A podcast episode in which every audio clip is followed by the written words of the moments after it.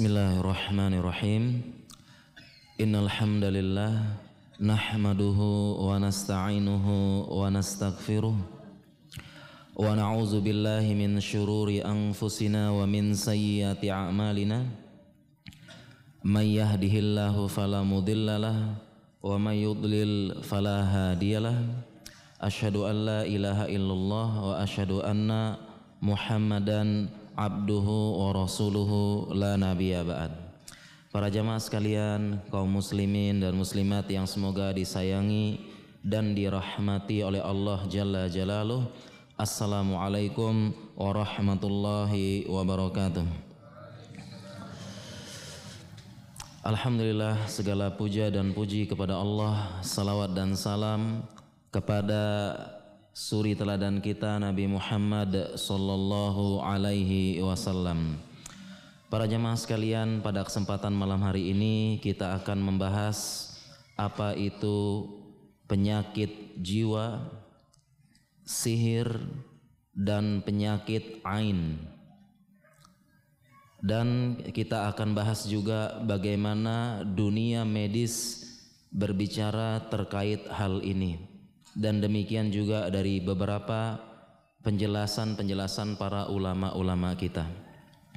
Para jamaah sekalian, sejatinya kalau kita membahas waktu kita agak kurang sehingga eh, kita perbanyak tanya jawab dan semoga saya bisa menjawab ya terkait pembahasan karena cukup banyak penyakit jiwa, sihir, ain dan segala sesuatu yang terkait dengan hal ini.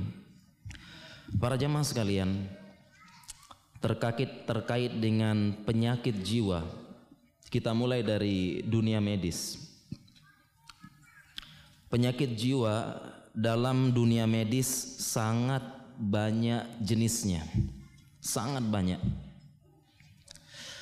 Dengan berbagai macam diagnosis Kalau kita di Indonesia, kita punya buku diagnosis berbagai macam penyakit jiwa. Buku kita punya bukunya, namanya PPDGJ. Sudah jilid berapa? Karena diperbarui terus. Diperbarui terus dan sebagainya.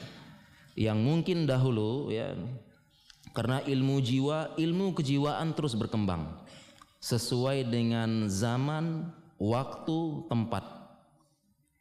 Jadi kita teman-teman dokter khususnya teman dokter di bagian jiwa punya buku. Diagnosis berbagai macam diagnosis penyakit jiwa dan setiap diperbarui terus. Diperbarui terus karena berkembang terus. Kemudian diagnosis terbaru saat ini adalah uh, penyakit kecanduan selfie dan kecanduan sosmed itu termasuk penyakit jiwa. Kemudian ada juga yang di-exclude, yang di-exclude, yang dihilangkan. Salah satunya adalah penyakit homoseksual, LBGT, lesbian bukan lagi bete gitu ya, atau lagi butuh tausiah. LBGT ya lesbian, uh, gay, biksual dan transgender atau homoseksual itu sudah dicabut dari golongan penyakit jiwa. Jadi tahun 80-an atau 90-an homoseksual termasuk penyakit jiwa yang tertulis dalam buku panduan gangguan jiwa baik nasional maupun internasional. Kemudian setelah berlalu zaman, zaman makin uh, maju katanya, akhirnya penyakit ini tahun sekitar awan tahun 2000-an dicabut. Dicabut bukan lagi gangguan jiwa dan ini PR kita. Jadi secara medis penyakit jiwa sangat banyak. Berbagai macam bukunya tebal, tebal. Ada buku saku segini, kemudian syarohnya segini, insyaallah ya. Syarohnya segini. Macam-macam. Kalau saya sebutkan contohnya misalnya gangguan mental dan perilaku. Termasuk penyakit jiwa, gangguan alkohol, psikiatri. Kemudian eh, penyakit jiwa atau orang-orang orang awam sebutnya mungkin sering mendengar skizofren. Kemudian gangguan mood afektif, gangguan neurotik, gangguan stres, gangguan uh, perilaku, gangguan kepribadian, gangguan mental dan sebagainya dan ini pun banyak jenisnya. Secara kedokteran penyakit jiwa sangat banyak. Kalau orang awam ya mohon maaf sinting, miring, gila, stres, depresi, uh, kecewa, susah move on dan sebagainya. Itu dan itu ada sebab-sebabnya. Ada manik, depresif, ada macam-macam. Dipelajari dalam ilmu jiwa berbagai macam diagnosis penyakit. Ini secara ilmu kedokteran. Ternyata setelah kita membaca lebih dalam membaca lebih dalam dan secara kedokteran itu ada teorinya apa penyebabnya Kenapa bisa begini? Perjalanan penyakitnya, bahasa kita patofisiologisnya. Perjalanannya bagaimana? Bagaimana dia bisa terjadi? Siapa saja tipe-tipe orang yang mudah kena dan bagaimana? Itu dijelaskan setiap diagnosis. Setelah kita berpikir lebih dalam dan apalagi setelah kita belajar agama, ternyata dari semua tipe-tipe penyakit tersebut dan macam-macam penyakit tersebut sebabnya hanya satu. Sebabnya hanya satu. Dari rangkuman semua teori tebal segini bukunya, sebabnya hanya satu, yaitu tidak beriman dengan kodok dan kodor. Sebabnya hanya satu, tidak menerima takdir Allah. Sebabnya hanya ini. Dari semua penyebab penyakit jiwa tersebut.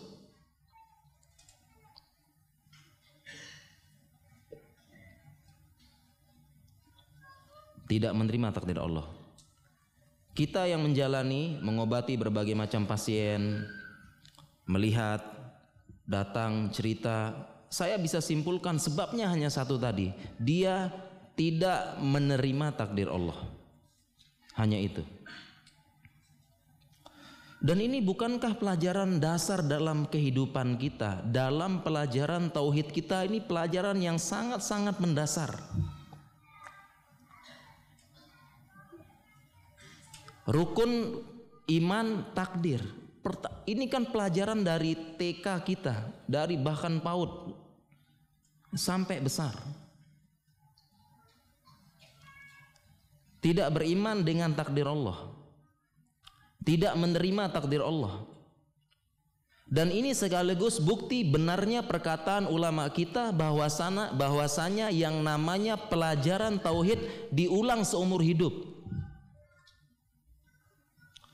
Pelajaran tauhid dan akidah diulang seumur hidup ini benar nasihat ulama kita. Mengapa? Karena tauhid ini cakupannya luas membahas semua sendi kehidupan terkait dengan keimanan, keyakinan kita, bagaimana hubungan kita dengan Allah dan bagaimana bahagia hidup di dunia ini. Terkait dengan pembahasan tauhid diulang seumur hidup. Sekiranya kita belajar fikih wudu, kita belajar fikih wudu, bisa jadi orang yang cerdas hanya sekali. Dia belajar bagaimana kemudian dipraktekkan contoh ustadznya bisa jadi orang yang cerdas hanya sekali belajar dia terapkan seumur hidup selesai. Tapi belajar tauhid terus diulang-ulang-ulang terus pelajaran seumur hidup. Ini buktinya. Semua berbagai macam diagnosis penyakit jiwa tersebut sebabnya tidak percaya takdir Allah. Tidak menerima takdir Allah. Kita contohkan salah satu ya. Orang yang skizofren, orang yang gila. Tidak jarang kita temui ada orang dalam kehidupan sehari-harinya biasa, ngobrol biasa, nyambung, enak dan sebagainya. Tiba-tiba terjadi sesuatu hal gila, masuk rumah sakit jiwa. Ada tidak orang seperti ini? Ada. Contohnya fakta ini ya. Walaupun kita tidak boleh mengeneralisir ada orang misalnya ikut pertarungan pilkada. Sebelumnya Masya Allah sehat jiwanya, berapi-api, semangat, memotivasi orang, hebat, kemudian menjelaskan semua program-program, rinci target, tujuan dan sebagainya. Kemudian setelah kalah, tiba-tiba rumah sakit jiwa, terkena penyakit jiwa skizofren dan salah satu pengertian skizofren orang gila adalah kegagalan membina komunikasi dan hubungan dengan orang sekitar. Itu pengertian kalau secara kedokteran. Sehingga kalau orang gila, dia gagal berinteraksi. Berinteraksi sederhana saja, ngobrol saja tidak nyambung gitu. Untuk mengungkapkan dirinya saja tidak kenal, tidak tahu. Bahkan dirinya saja tidak kenal. Saya pernah ketemu, lo lo kenal gue enggak? Lo kenal gue enggak? Enggak kenal. Gue aja enggak kenal siapa gue gitu. itu ada itu. Hmm. Lo tuh tahu gue siapa gitu ya. Ada macam-macam lucu pokoknya. Insya Allah ya. Kalau kita dulu kita masuk di stase jiwa. Ketemu dengan berbagai macam. Sebabnya apa? Sebabnya adalah tidak menerima takdir Allah. Dan semakin dia tidak menerima takdir Allah, semakin turun murka Allah pada dia.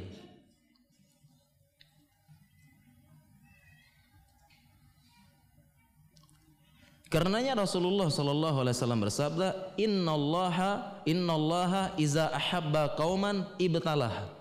Sesungguhnya Allah apabila mencintai suatu kaum seseorang Allah beri ujian. Faman radiya falahu ridha wa man sakhita falahu sukhut. Barang siapa yang ridho Allah ridho. Barang siapa yang dia murka Allah murka pada dia. Dan orang yang kena penyakit gila karena sebab seperti ini bisa jadi bentuk murka Allah pada dia. Dan bentuk pelanggaran tauhid yang panjang, lama. Karena yang namanya proses kalau kita cerita proses terjadinya orang gila, mekanisme patofisiologisnya tidak ada orang gila yang dia tiba-tiba gila. Skizofren, dia tiba-tiba langsung skizofren, paginya sehat malamnya sudah orang gila pengertian gila susah memberikan eh, apa namanya membina hubungan sederhana interaksi dan kombinasi gagal nggak bisa itu orang gila dia juga ngomong susah nggak nyambung dia mau ini. Kemudian dia pengen ngungkapin diri nggak bisa. Tidak bisa penyakit ini muncul tiba-tiba. Tetapi sesuatu hal yang kronis yang lama. Dan dia selama itu menolak takdir Allah, tidak menerima takdir Allah, bahkan bentuk protesnya dia terhadap takdir Allah. Dan Allah falahu sakhat, bagi dia kemurkaan. Para jamaah sekalian, seandainya ada raja penguasa Martapura ini misalnya, tiba-tiba raja mengatakan saya putuskan ini, nanti jalan ini begini.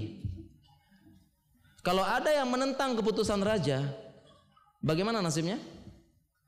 Habis kan? Demikian juga Allah Subhanahu wa taala sudah takdirkan kamu gagal. Kemudian tiba-tiba kita marah, tiba-tiba kita tidak terima dan sebagainya. Kira-kira bagaimana? Murka Allah. Jadi tidak ada paginya sehat, malamnya langsung gila, tidak ada. Ini proses adalah proses berkepanjangan kronis. Tidak ada gila kecuali gila harta, gila wanita, gila jabatan ada. Gila harta, hamba dunia, taisa abdi dinar, taisa abdi dirham celaka. Proses berkepanjangan. Tidak ada. Sehingga orang-orang yang terkena penyakit gila, kenapa? Dia tidak terima takdir Allah, protes dalam jangka waktu yang lama. Sebulan, dua bulan, tiga bulan, enam bulan, setahun, gila. Itulah bentuk murka Allah. Bisa jadi bentuk murka Allah pada dia. Tidak menerima takdir Allah. Sebulan terus dia pikirkan kenapa begini? Kenapa begini? Kenapa begini dan kenapa begini?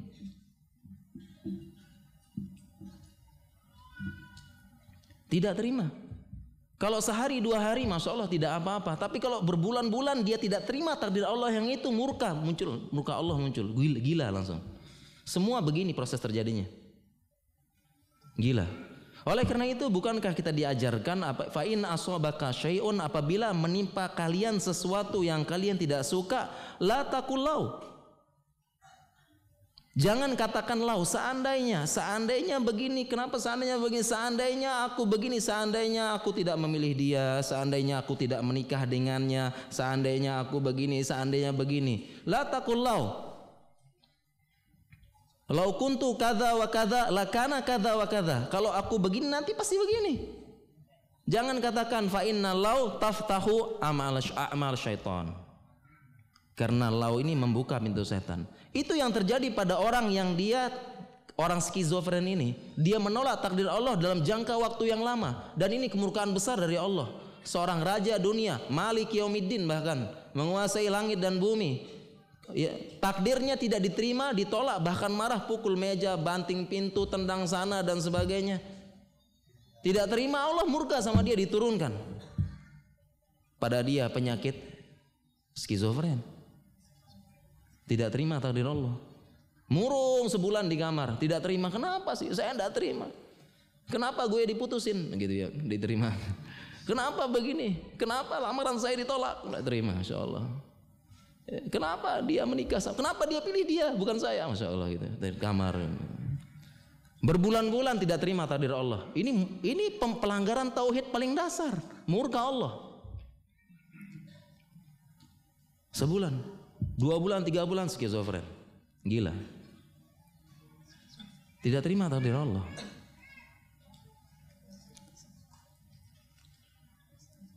Ini yang menyebabkan orang gila. Sebelumnya bagus, biasa, tiba-tiba gila. Benar. Dan benar-benar gila. Kita yang periksa gila. Dia gagal membangun komunikasi dan interaksi sederhana dengan kita. Ngobrol, dia lupa. Bingung. Bentuk murka Allah. Dari semua macam jenis penyakit. Demikian juga dengan orang yang terkena penyakit. Penyakit eh, salah satu penyakit kejiwaan adalah cemas. Dengan berbagai macam ada cemas, manik, depresif dan sebagainya. Ini juga sama intinya tidak percaya sama takdir Allah.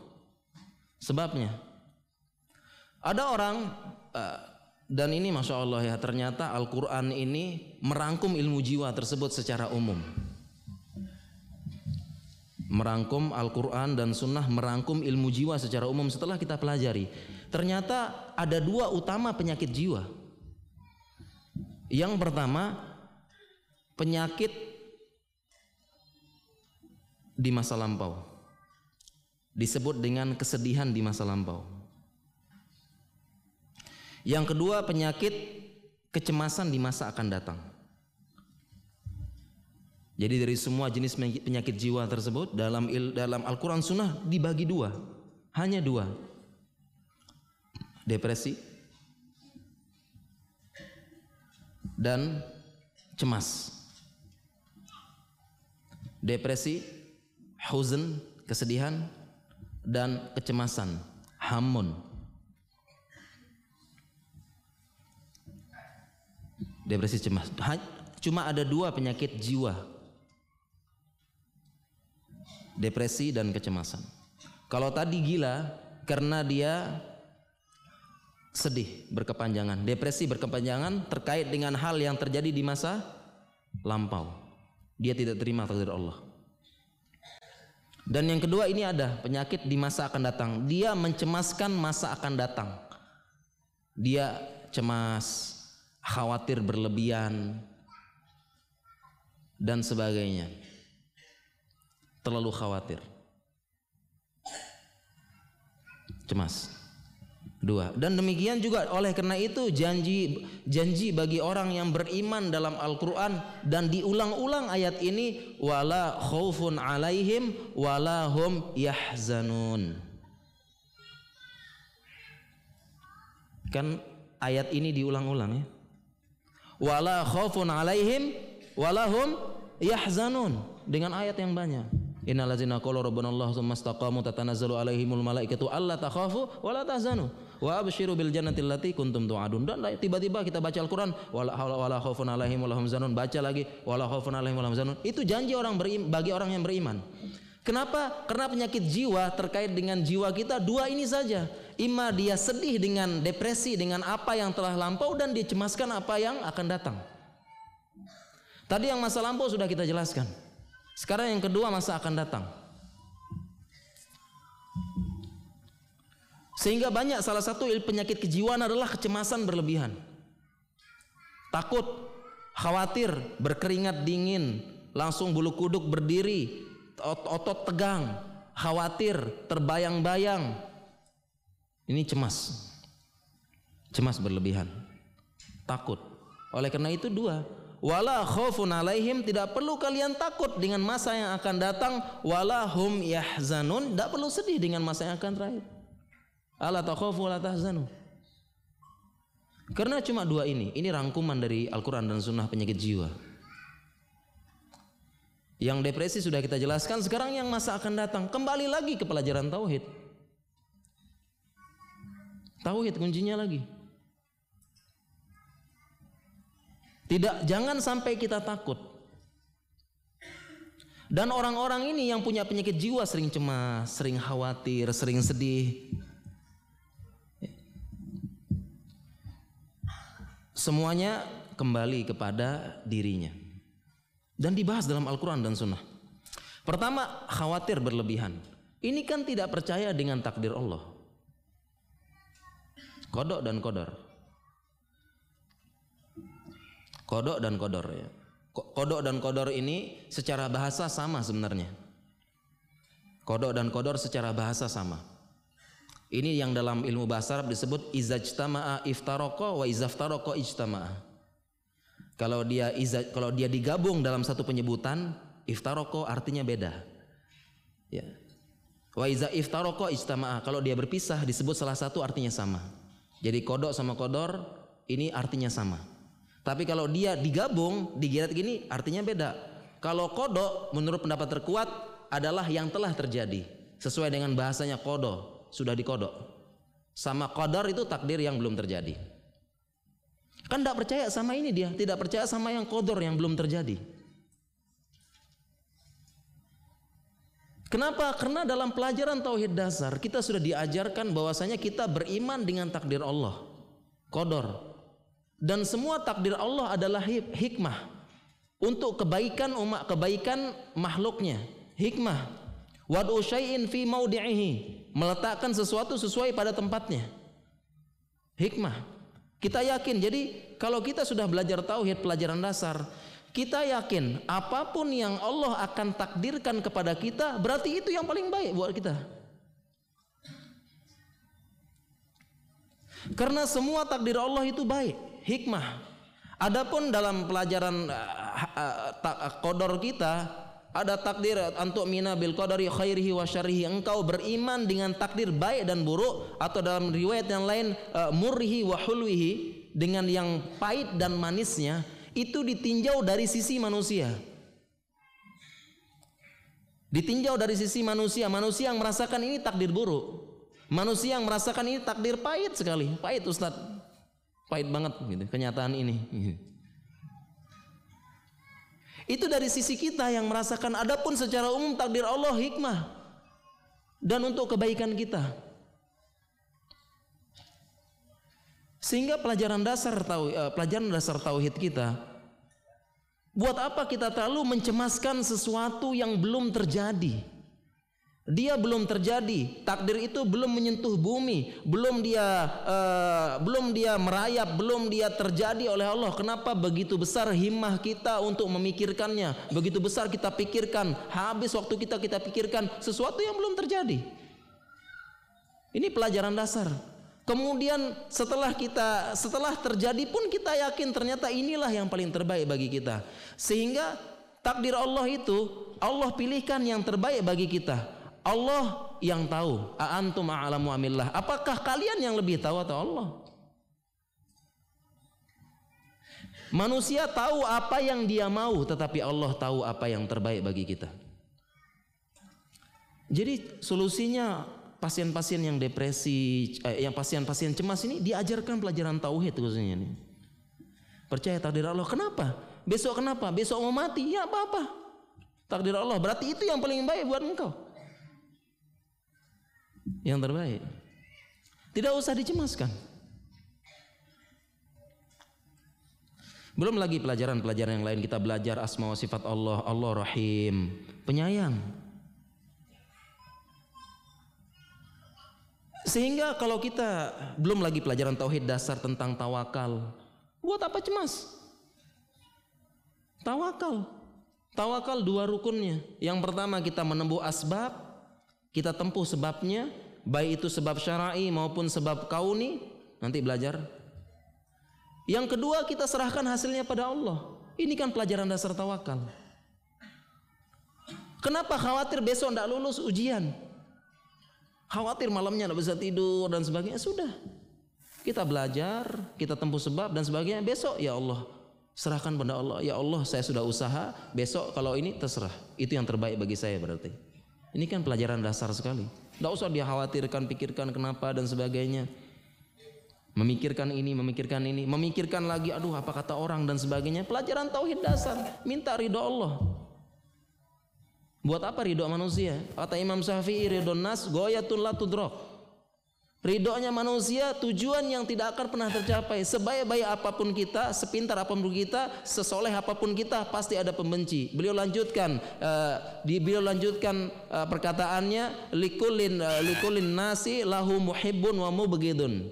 Setiap manusia pasti ada pencinta pembenci Sehingga tidak perlu kita pikirkan kata orang Yang penting apa kata Allah dan Rasulnya Aduh tidak bisa tidur kenapa Ustaz Aduh kepikiran ini apa kata orang? Besok ya gini-gini ya sudah. Tidak usah dipikirkan. Apa kata Allah dan Rasulnya aja?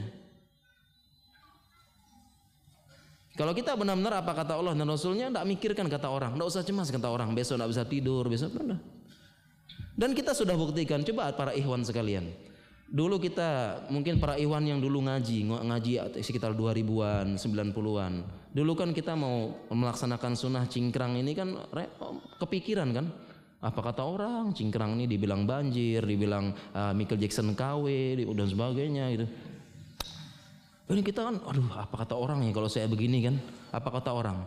Kemudian setelah kita jalani sekarang apa kita pernah pikirkan lagi? Tidak pernah biasa hidup kan? Ya tidak. Biasa hidup. Nah begitulah kita belajar supaya tidak usah pikiran. Jadi tidak usah dicemaskan. Yang terjadi belum terjadi, belum. Kenapa kita harus cemaskan? Kita streskan terlalu besar himah kita kita pikirkan. Besok gimana, besok ini. Yang penting sudah tawakal, sudah kita lakukan asbab, besok ya sudah. Kalau terjadi itulah takdir terbaik bagi saya. Itu saya yakin Allah takdirkan terbaik bagi itulah takdir bagi saya. Nah, kembali kita lanjutkan sifat Ar-Rahman Allah. Rahimnya Allah kepada bil mukminin, mukmin. Rahim sama manusia. Kita lihat bagaimana sifatnya Allah. Salah satu sifat Allah adalah Allah lebih sayang kepada hambanya melebihi kasih sayang ibu kepada anaknya.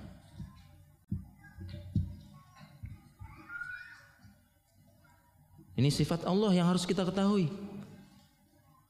Dikisahkan dalam suatu hadis Rasulullah Shallallahu Alaihi Wasallam dan para sahabatnya sedang berkumpul. Kemudian di situ ada tawanan perang. Tawanan perang dari kerumunan tawanan perang tersebut terdapat seorang ibu. Ibu yang sangat mencintai anaknya. Yang sebagian orang di, cuma dirayakan sehari doang.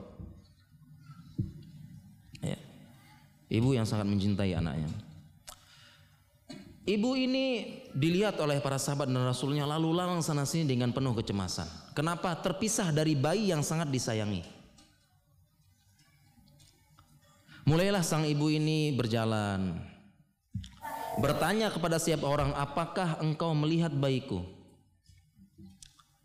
Tidak wahai ibu, kembali dia bermuram durja jalan lagi. Apakah engkau melihat bayiku? Tidak wahai ibu, lagi berjalan cari dengan cemas, kegalauan, khawatiran cari. Apakah engkau lihat bayiku cari? Dilihat sama sahabat dan rasulnya. Kemudian sang ibu ini akhirnya Allah pertemukan dengan bayinya. Setelah dia gundah dalam suasana perang, habis perang. Begitu dia dapati bayinya, langsung dia ambil bayi tersebut. Kemudian dia peluk, dia berikan kehangatan, dia susui, dia belai, dan dia curahkan semua kasih sayangnya pada bayi tersebut. Kejadian ini dilihat oleh Nabi SAW dan para sahabat. Kemudian Nabi SAW berkata pada sahabatnya, Atarona anna hadhihi waladaha finnar. Apakah kalian akan menyangka ibu ini akan melempar bayinya ke api? Apa jawaban para sahabat? Tentu tidak ya Rasulullah. Bagaimana bisa? Lihat dia sayang banget itu. Bagaimana dia melempar ke, ke dalam api? Kemudian Rasulullah SAW bersabda, "Wallahu arhamu bi'ibadihi min hadhihi liwaladiha." Ketahui ya para sahabatku sesungguhnya Allah Subhanahu wa taala lebih sayang kepada hambanya kepada kalian melebihi kasih sayang ibu ini kepada anaknya. Sekiranya ibu tadi tidak tega melempar bayinya ke dalam api, Allah sesungguhnya lebih tidak tega lagi melempar kalian ke api neraka. Sekiranya ibu tadi tidak tega mentakdirkan kejelekan eh, memberikan kejelekan kepada bayinya, Allah lebih tidak tega lagi mentakdirkan keburukan kepada kita. Tetapi apa yang terjadi? Allah sangat sayang kepada kita, hambanya yang lari dari Allah. Menjauh dari Allah, tidak kenal dari Allah. Lari, makanya disebut kita fafiru ilallah, larilah menuju Allah. Bukan jalan, fafiru, lari. Hambanya yang jauh dari Allah, tidak mau kenal Allah, tidak peduli, tidak mau belajar as tauhid asma sifat, tidak mau kenal sifat Allah, tidak mau tahu dengan urusan agamanya, tidak peduli, cuek, pura-pura acuh dan sebagainya. Hambanya yang lari dari Allah. Bagaimana Allah bisa sayang terhadap hambanya? Ibarat bayi yang kalau dia punya kaki dia jauh sembunyi dari ibunya. Bagaimana ibunya bisa menyayangi bayi tersebut? Kalau kita sudah belajar tauhid asma sifat sifat Allah yang rohim ini, bagaimana hidup kita tenang? Saya sangat yakin dengan Allah. Dan Allah berkata juga dalam hadis qudsi, "Ana inda zoni abdibi." Sesungguhnya aku Sesungguhnya aku sesuai dengan prasangka hambaku. Ini yang akidah dasar yang kita harus perbarui terus dengan belajar. Dengan urusan dunia, subhat, syahwat, maksiat dan sebagainya kita lupa tauhid dasar diulangi lagi, ulangi lagi. Bahwasanya Allah itu sangat sayang kepada kita. Kita harus sering-sering suzon, harus kembali kepada Allah, hijrah. Hijrah kepada Allah. Ini muhajirun ila rabbi. Saya hijrah kepada Allah. Ini yang harus kita ulang. Terus. Sangat sayang Allah ini. Sehingga kalau kita yakin Allah sangat sayang kepada kita, apa yang perlu kita khawatirkan? Kenapa ada penyakit penyakit cemas berlebihan? Karena intinya dia tidak kenal Allah, tidak peduli sama Allah. Para jamaah sekalian, demikian juga jadi kunci penyakit jiwa tadi satu tadi, tidak percaya takdir Allah. Dan tidak kenal dengan Allah Subhanahu wa taala. Dia jauh dari Allah. Sekiranya kita buat permisalan lagi, ada raja penguasa di Martapura ini. Penguasa di Martapura. Kemudian kita adalah orang dekatnya raja. Saya dekat dengan raja, Saya dekat dengan raja, raja dekat dengan saya. Orang dekatnya raja ini. Kalau ada apa-apa, saya tinggal hubungin raja. Selesai perkara. Ketika saya dekat dengan penguasa setempat, saya orang dekatnya. Kapan pun saya komunikasi, kapan pun saya hubungi, beliau angkat. Saya orang dekatnya raja. Apa yang terjadi kalau kita hidup di daerah kekuasaan raja dan kita orang dekat raja, apa yang terjadi dengan kehidupan kita?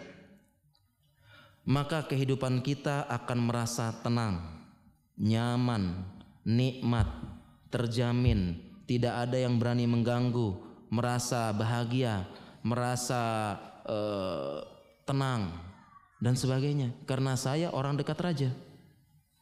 Kalau ada apa-apa tinggal hubungin raja. Nah, kenapa kita tidak pernah juga berpikir demikian? Kalau kita dekat dengan Allah, lahuma fis samawati wa ma fil ard. Allah penguasa langit dan bumi bahkan penguasa hari kemudian. Kalau kita dekat dengan penguasa setempat begitu tenang hidup kita. Santai, tenang, tidak ada yang dikhawatirkan, tidak perlu cemas. Kenapa kita tidak pernah berpikir kita dekat dengan Allah? Penguasa langit dan bumi tentunya kita akan merasa tenang, nyaman hidup di dunia ini karena hidup di kekuasaan di daerah kekuasaan yang menguasai langit dan bumi.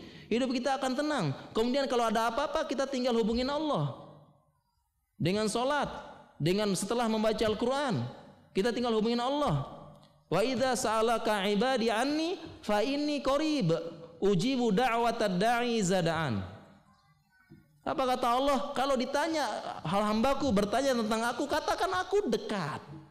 Dan aku kabulkan doa orang-orang yang meminta. Sama kayak raja tadi, langsung telepon raja. Ini ada yang macam-macam ini, tolong bereskan. Oh beres, tenang hidupnya, santai. Masalah pekerjaan mau apa? Hubungin raja langsung. Oh, gimana? Oh iya, beres. Allah kapan pun. Tinggal hubungin Allah Subhanahu wa taala. Dan demikian juga kalau kita mau dekat sama raja, kita kan cari muka. Kita dekat sama raja cari muka, kira-kira raja ini sukanya apa, dia hobinya apa, kalau sama raja ngobrolnya suka apa, dan apa kita pelajari semuanya kita dekati apa cari muka. Kenapa demikian dengan Allah juga?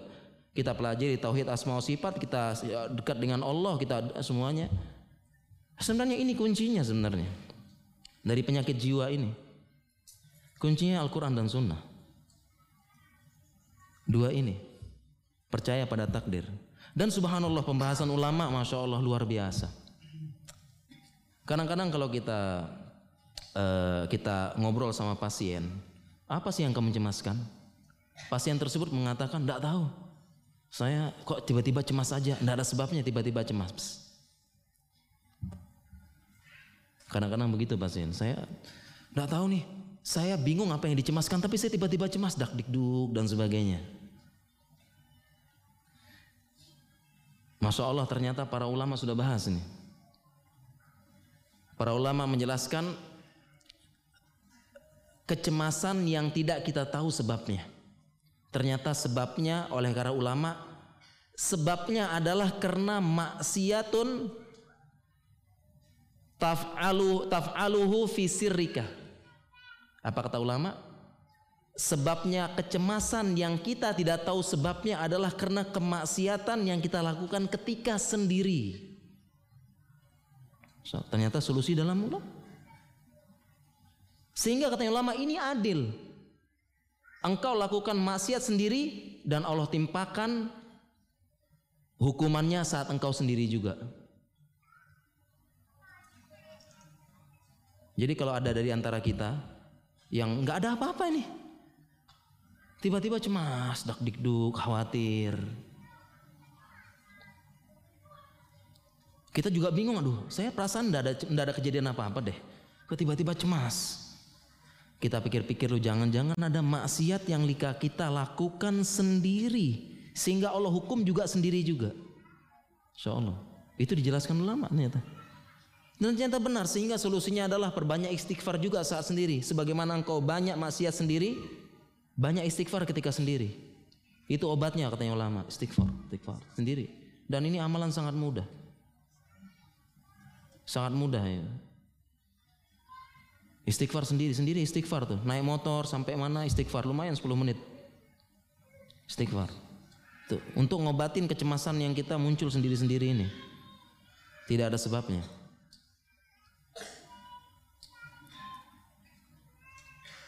Jadi demikian ini ya eh, tentang penyakit jiwa ini. Kita cukup sampai di sini dulu ya. Penyakit jiwa pembahasannya. Sebenarnya masih agak banyak. Kita lanjut ke penyakit selanjutnya. Eh, yang pembahasan selanjutnya. Pembahasan selanjutnya adalah tentang sihir dan kerasukan. Sihir dan kerasukan jin.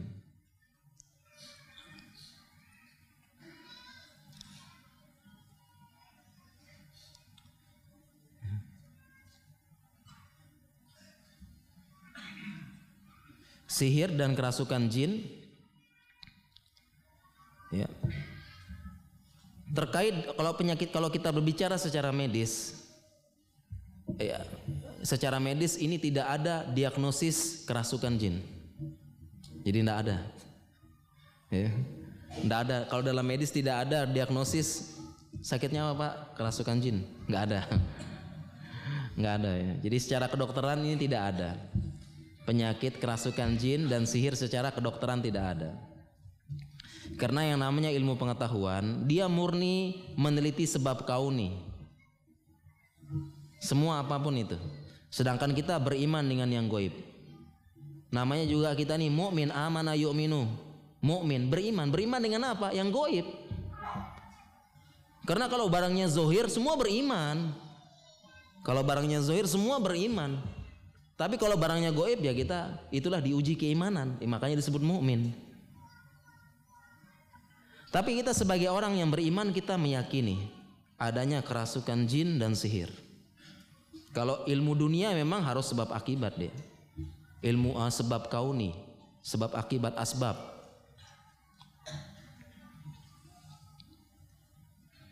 Kita beriman sehingga kita beriman memang ada penyakit selain medis dan kedokteran ini bukan segala-galanya. Masih banyak metode penyembuhan yang lain. Sehingga terkait kerasukan jin dan sihir tidak ada pembahasan medisnya ini. Tidak ada. Kita tanya dokter apa sih gejalanya? Tidak ada. Dan sebagainya. Kita mulai dengan kerasukan, kerasukan jin. Kerasukan jin sebagai orang yang beriman kita harus percaya. Dengan banyak dalil. Salah satunya dalam Al-Qur'an. Allah berfirman, "Innal ladzina ya'kuluna riba la yakumuna illa kama yakumul ladzi yatakhabbathu syaitanu minal mas." Bi annahum qalu innamal al-bai'u mithlu riba wa halallahu al-bai'a wa harrama riba. Salah satu dalilnya adalah sesungguhnya orang-orang yang memakan riba di hari kiamat tidak bisa berdiri seperti orang normal, melainkan berdirinya or seperti orang yang kerasukan. Setan. Dalil yang pertama. Dalam hadis juga banyak dalil yang lain. Dalam hadis disebutkan inna syaitana yajri minal insani majrid dam. Sesungguhnya setan dia bisa mengalir ke dalam pembuluh darahnya manusia dan setan bisa merasuki manusia mengganggu merupakan ijma. Syekhul Islam mengatakan laisa fi aimmatil muslimina may yunkiru dukhulal jin badan al masru' wa ghairuh. Syekhul Islam mengatakan tidak ada di antara imam-imam kaum muslimin yang mengingkari bisa masuknya jin ke dalam badan seseorang.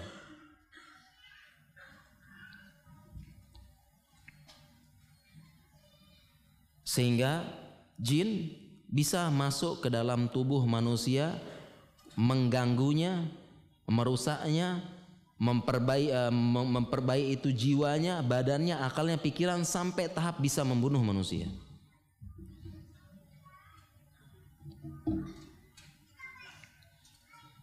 bisa membunuh jadi dalilnya ada demikian juga sihir banyak dalilnya Salah satunya yang dibacakan oleh imam kita.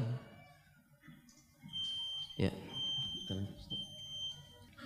Para jamaah sekalian kita lanjutkan, kita lanjut dengan sihir tadi. Sihir secara dalil jelas. Sangat banyak. Salah satunya tadi wa min syarrin naffatsati fil uqad.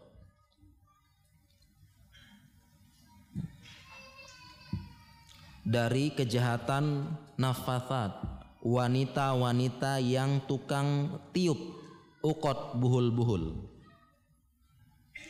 Sebagian ulama mengatakan asbabun nuzul ayat ini karena Nabi Shallallahu Alaihi Wasallam kena sihir dan ini sohih. Walaupun ada yang mengingkari tidak mungkin Nabi kena sihir, jawabannya Nabi SAW disihir dan diobati dirukiah oleh Jibril. Nafasat perempuan yang dia meniup buhul karena zaman dulu salah satu metode sihir adalah meniup buhul dan umumnya perempuan. Dan yang menyihir Nabi adalah orang Yahudi Labib bin Al-A'sam menyihir Nabi. Dan pendapat terkuat termasuk ditulis dalam buku-buku akidah Nabi pernah kena sihir. Sebagian orang menolak, tidak mungkin Nabi kena sihir. Jawabannya kena sihir. Justru ini menunjukkan beliau Nabi dan beliau orang manusia biasa. Tidak disembah, tidak dilebih-lebihkan, tidak gulu. Justru beliau manusia biasa dan penjelasannya adalah beliau kena sihir tidak berpengaruh dengan hadis Al-Qur'an. Beliau hanya kena sihir seolah-olah sudah mendatangi istrinya padahal belum, hanya itu saja. Tidak sampai kena sihir, kena cinta, stres, depresi, tidak. Dan diobati oleh ini. Dan banyak yang lain-lainnya. Contoh dan juga sihir di Al-Qur'an. Watabau uh, watabau matatlu syayatin fi ala mulki Sulaiman. Wa ma kafara Sulaiman walakinnal walakinna syayatin kafaru. Yu'allimuna sihra. Mengajarkan sihir. Mengajar dan banyak dalil-dalil ya sihir. Ya, banyak sihir. Nah, tetapi bagaimana menyikapi hal ini? Pertama kita yakin ada sihir dan ada kerasukan. setan, jin bisa mengganggu manusia. Bisa merasuki tubuh manusia. Tetapi kita perlu punya sifat yang sikap yang pertengahan. Sikap yang pertengahan.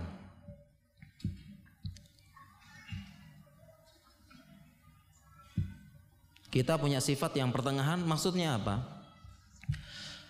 Pertama kita memang yakin setan jin ya kelompok jin ya. Jin mereka sama seperti kita. Jelas yang jin ini jelas mereka seperti kita. Mereka dia juga mukallaf.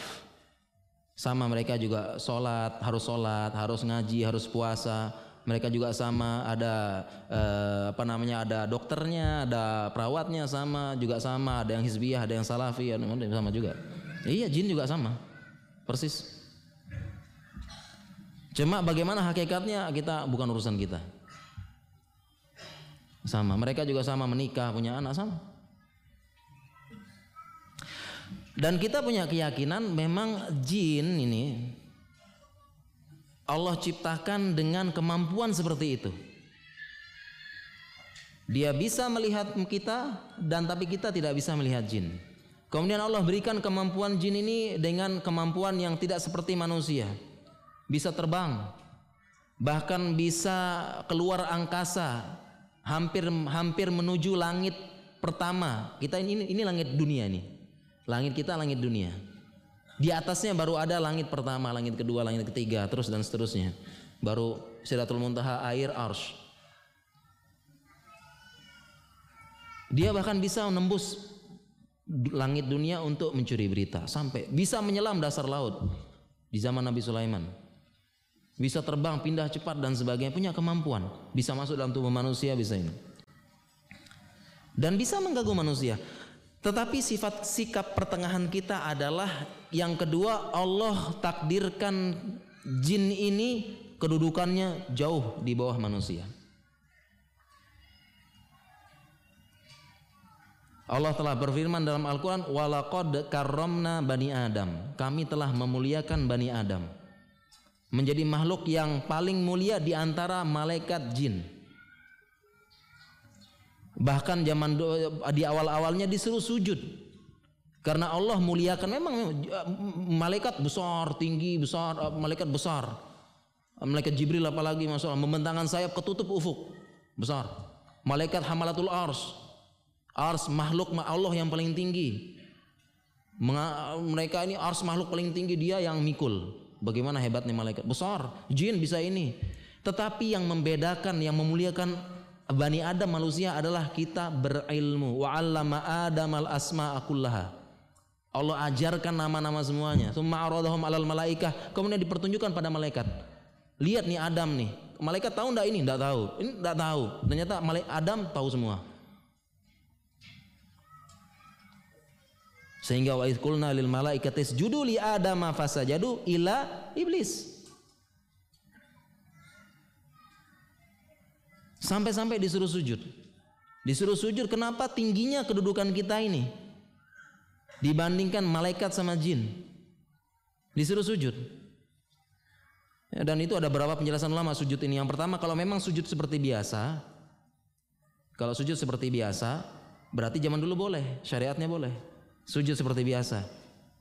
Dan penjelasan kedua, sujud ini maksudnya ruku. Ruku, sekadar ruku tidak sampai sujud karena sujud hanya untuk Allah. Ruku. Ya karena dalam bahasa Arab kita mengenalkan istilah yang di mana satu istilah bisa mencakup dua. Ya kadang uh, ruku juga disebut juga sujud. Ya iqamah disebut juga azan. Baina azana ini di antara dua azan, maksudnya azan iqamah. Ya.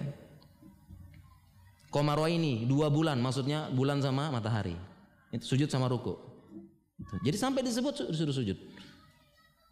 Karena tingginya kedudukan kita manusia ini. Sehingga sikap yang ini pertengahannya ini di sini. Pertengahannya ini di sini. Kenapa? Manusia kedudukannya lebih tinggi daripada jin. Sehingga jin ini hukum asalnya takut sama manusia, segan sama manusia. Sekarang coba ada perusahaan, ada bosnya, ada manajer di bawah, kemudian ada orang di bawahnya. Apakah berani orang di bawah ini macam-macam sama manajernya?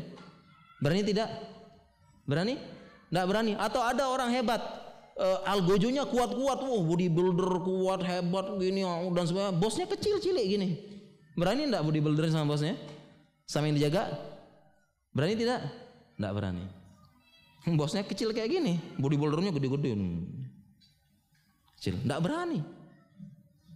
Sehingga inilah sikap pertengahannya bahwasanya hukum asalnya jin itu dia segan sama manusia takut sama manusia. Dan ini dijelaskan oleh para ulama kita. Saya bacakan satu aja anunya, satu aja riwayatnya.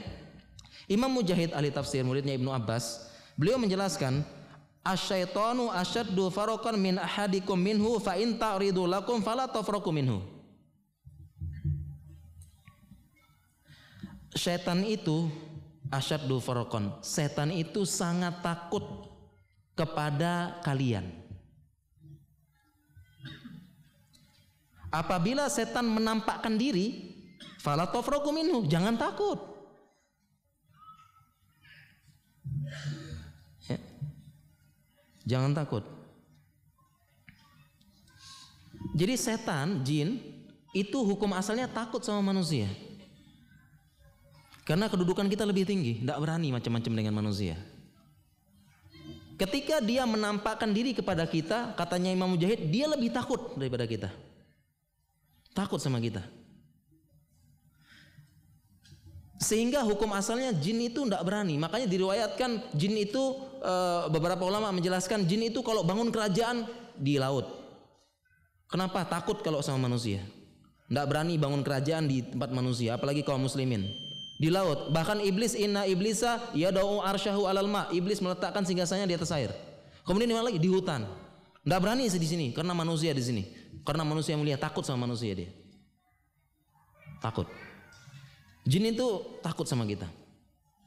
Sehingga ada saya punya salah seorang guru, eh, saya pernah belajar sama beliau di beliau pernah tinggal di Cilacap dan beliau memang dulu sering ngurukiah. Dan beliau sudah paham akidah ini. Beliau pernah satu malam cerita langsung ke saya, jadi insya Allah mutasil sanatnya ini. Cerita langsung sama saya. Bukan kilawakol atau kopas dari anu cuma hasil kopasan. Dia cerita beliau cerita sama saya, saya suatu malam pernah beliau memang sering ngurukiah. Membantu orang boleh kan? Ma robaksan. Katanya Nabi SAW, tidak apa-apa. Manistatu aminkum ayang fa'ahu fal yang fa. Boleh rukiah. Saya pernah satu malam pernah di kamar sendiri. Tiba-tiba muncullah kepala di dinding tersebut. Mencerita beliau ini. Muncul kepala di dinding tersebut, muncul begini. Kemudian apa yang beliau lakukan ketika muncul tersebut? Yang saya lakukan adalah saya mendekat kepala tersebut, saya pukul sepuas-puasnya, pukul terus, mang, mang, mang, mang, mang, mang, gitu ya. Akhirnya hilang kepalanya katanya. Kenapa? Karena beliau yakin akidah ini. Setan itu takut sama kita. Mereka pun punya kemampuan masuk ke alam kita, tapi kita tidak punya kemampuan masuk ke alam jin dan itu jin itu makhluk goib. Jadi kalau ada orang yang mengatakan saya lihat dunia jin menerawang bohong. Itu ilmu goib. Fala yuziru goibihi ala dati Allah tidak tampakkan. Ila irtada kecuali yang Allah ridho. Ya bohong itu lihat alam jin lihat apa bohong. Tidak bisa lihat. Tapi mereka bisa lihat kita. Sehingga ketika dia masuk ke alam manusia sesungguhnya dia takut. Seandainya jin itu tidak takut sama manusia, semua jin masuk ke alam manusia ganggu. Seandainya dia berani sama manusia. Mungkin suami sedang kerja, jin nyamar, masuk, menyamar berbentuk istri suaminya, ganggu terus. Ganggu istri orang. Ya, mungkin dia nyamar jadi ustadz apa, masuk ke rumah istri jamaahnya nyamar, ganggu-ganggu lah ustadz. Bisa kan gampang kan? Bisa tidak jin? Punya ndak jin kemampuan masuk kalau manusia menyerupai manusia? Bisa tidak? Bisa. Bahkan sirah Nabi kita pelajari, ada dia ah, menyerupai orang tua,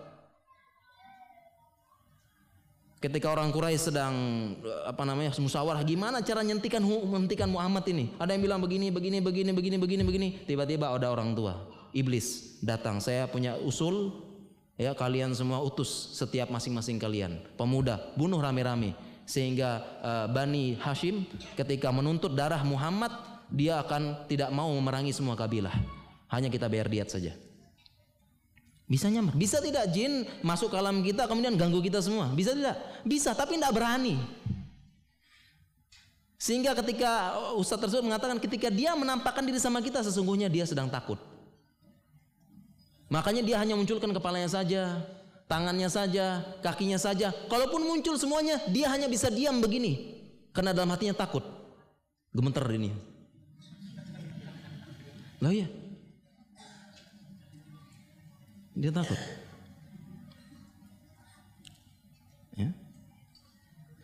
Sehingga sikap pertengahan kita ya, sikap pertengahan kita terkait dengan gangguan jin, sihir. Sikap pertemanan kita yakini. Kita yakini memang mereka bisa mengganggu kita. Tetapi kalau ada apa-apa, jangan langsung nisbatnya sama jin.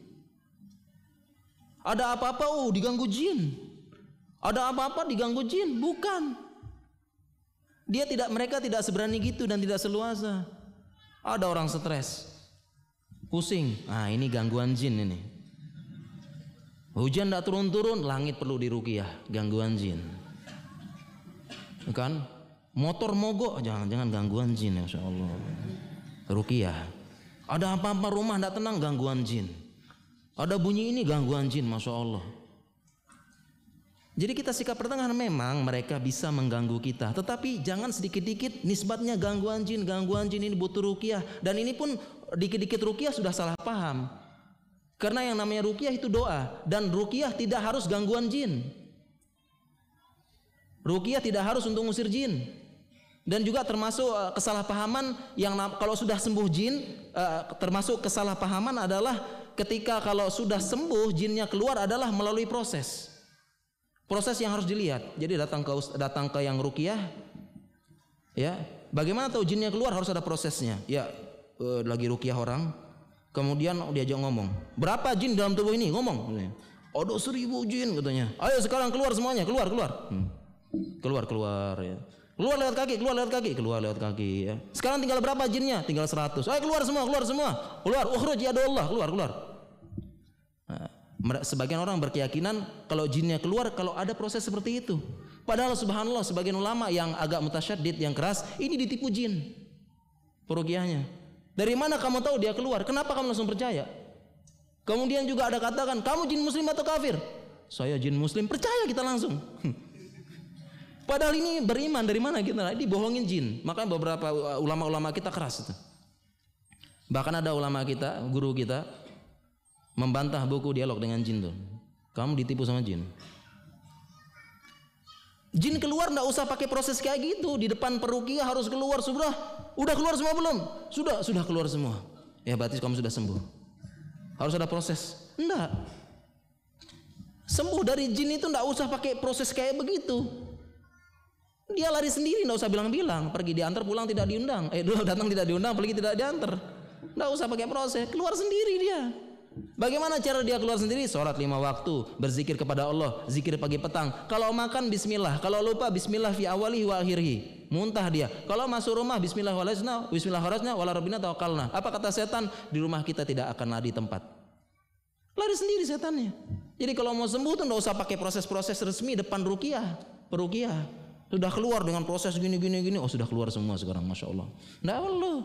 Biasa aja sudah laksanakan perintah Allah dan Rasulnya keluar sendiri kabur semuanya. Ini pun sudah salah paham tentang rukiah. Ya, Masya Allah jinnya sisa 100 besok datang lagi ya. Hmm. Jangan lupa daftar dulu. Ya.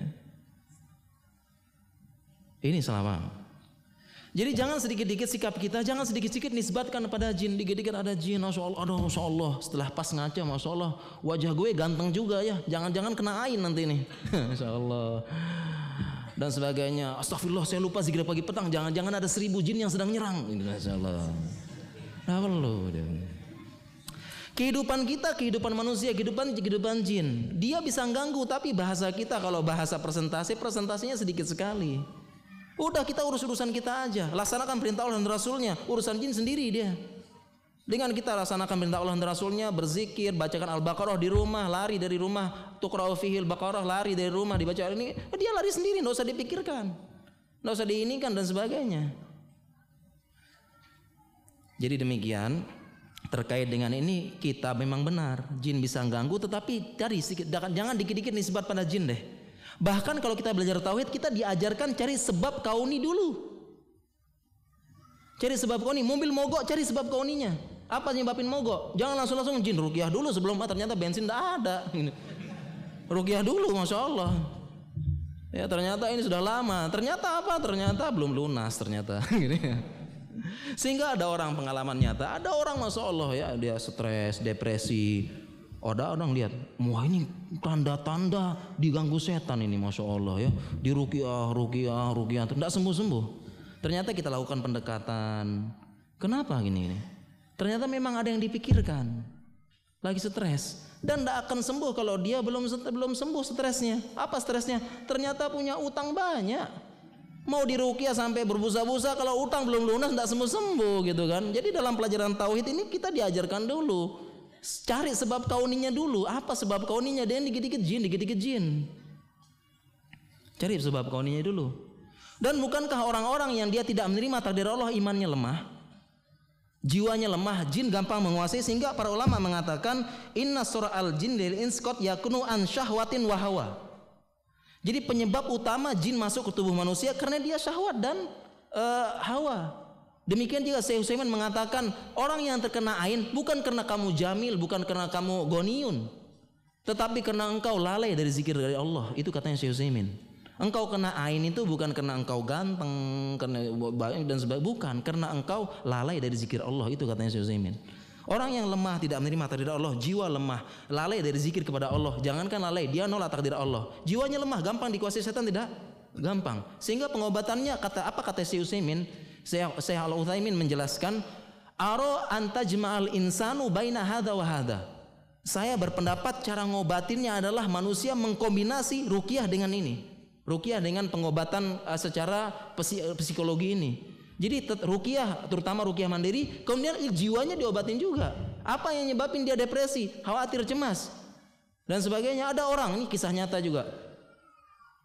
Apa namanya seorang perempuan, oh dia stres, depresi dan sebagainya udah diobatin rukiah apa dan sebagainya, enggak sembuh-sembuh. Ternyata setelah ini saya dibisiki oleh anak pertamanya, sebenarnya ibu saya ini dia stres, ada yang dipikirkan. Apa? Soalnya abah itu nikah enggak bilang-bilang. itu anak paling pertamanya bisikin saya.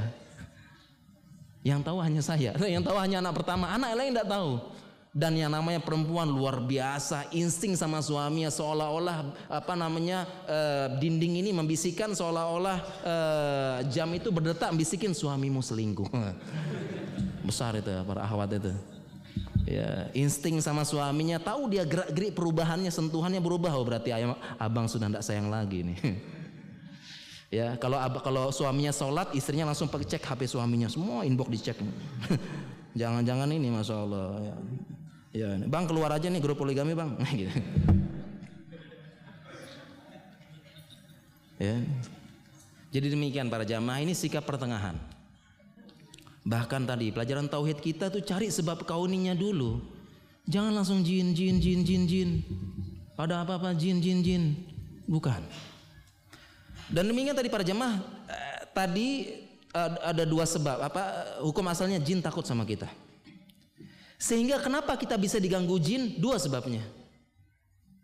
Kenapa jin berani ganggu manusia? Kenapa jin berani ganggu manusia? Hukum asalnya padahal tidak berani. Ada dua sebabnya. Sebab pertama, karena manusia yang takut pada jin. Manusia yang takut lebih dulu. Manusia yang lebih takut lebih dahulu. Contohnya misalnya, yang sering kita lihat di Indonesia ini ada pohon angker. Pohon beringin katanya. Manusia lewat di situ tiba-tiba misi mbah gitu.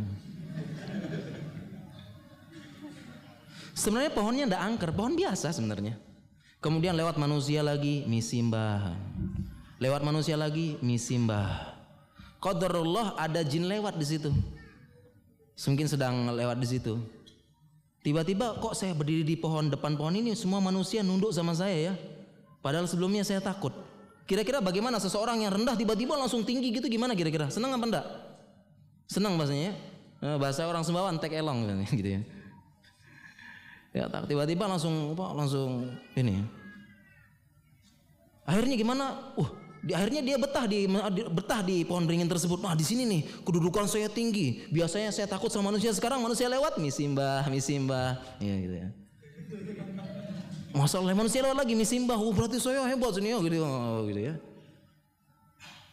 Apa yang terjadi kemudian dia aja teman-temannya, woi bro bro sini bro, hei memang mereka bro dia, sini sini sini kenapa? Ini manusia takut sama kita, kamu coba santai sini gitu ya, duduk. Akhirnya dipanggil keluarganya, akhirnya berdirilah di situ jin, ngumpul di pohon beringin tersebut, lihat manusia takut.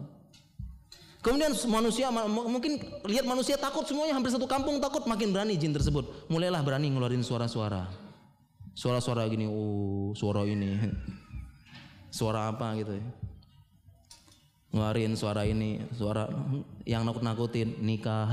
nah, itu bukan ya. ya, suara nakut-nakutin. Mulai berani ngeluarin suara. Manusia makin takut lagi. Manusia kemudian datang, ada bisikan setan kasih sesembahan, makin ngumpul setan situ. Manusia kasih sesembahan, makin berani setan, makin berani nampakkan diri di di di, di, anu tersebut. Karena dia berani nampakkan diri karena manusia takut. Karena jin tadi takut apa manusia takut, dia berani nampakin diri muncul nampak di pohon tersebut, ganggu manusia makin. Jadi sebab pertama kenapa jin berani ganggu kita karena kita takut duluan sama dia. Makanya tadi uh, salah satu guru saya itu yang tadi saya ceritain tadi yang dia pukul kepala setan itu, itu kalau setan nampang ke kita, Udah deketin dia pukul langsung dah dia. Dia takut sama kita. Masalahnya setan nampang diem, cuma diem dong manusianya lari gitu. Lari takut dan sebagainya. Padahal dia cuma diem gini kan. Iya gak? Setan itu kan cuma diem doang gini kan.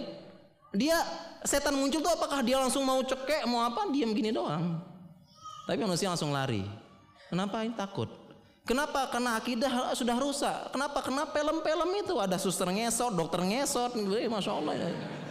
Itu keganggu kena. Sehingga terpapar ini akidah kita, takut sama ini. Takut sama setan. Harusnya kita takut dengan godaan setan, bukan takut sama setannya. Tidak berani. Bahkan uh, para ulama juga menjelaskan kalau jin masuk ke alam manusia, berlaku hukum manusia sama dia. Kalau ditusuk ya kalau dipukul ya dia sakit, kalau ditusuk ya mati dan sebagainya sebagaimana kisah Nabi sallallahu alaihi wasallam. Ada yang baca hadisnya belum? Sudah pernah baca hadisnya Nabi SAW sedang sholat, tiba-tiba ada setan ganggu, kemudian beliau cekik, cekik langsung lehernya, dicekik setan tersebut oleh Nabi SAW ditangkap, sampai beliau rasakan dinginnya air liurnya, dicekik gini, cekik, ketangkap setan tersebut cekik. Apa kata Nabi SAW? Kalau saya tidak ingat doa saudara saya Sulaiman, Rabbi habli mulkan layam bagi ahli ahadim min. Apa? Doanya Nabi Sulaiman, ya Allah, jangan engkau berikan kerajaan ya kepada seorang pun selain aku setelah ini yaitu menguasai jin. Kalau aku tidak ingat doa saudaraku Nabi Sulaiman, maka jin yang aku tangkap ini aku akan taruh di halaman masjid dan menjadi mainan anak-anak. Pernah baca hadisnya kan? Berlaku ke manusia, dihinakan sama manusia, ketangkap. Jadi jangan khawatir. Jadi masalah dia berani ganggu kita karena kita duluan takut sama dia. Makanya para jamaah sekalian, masya Allah, kalau ada apa ya, misalnya uh, pocong lah atau apa, oh, jangan takut, deketin dia pukulin. Nah dia kan terikat gitu kan pocongnya sama terikat gitu. Nah, itu dia dan sebagainya. Masya Allah ya. Kita yang duluan takut gitu ya. Ini sebab pertama mereka bisa mengganggu. Sebab kedua mereka bisa mengganggu kita. Inilah sihir. Kenapa? Karena ada manusia yang sederajat dengan kita yang nyuruh mereka.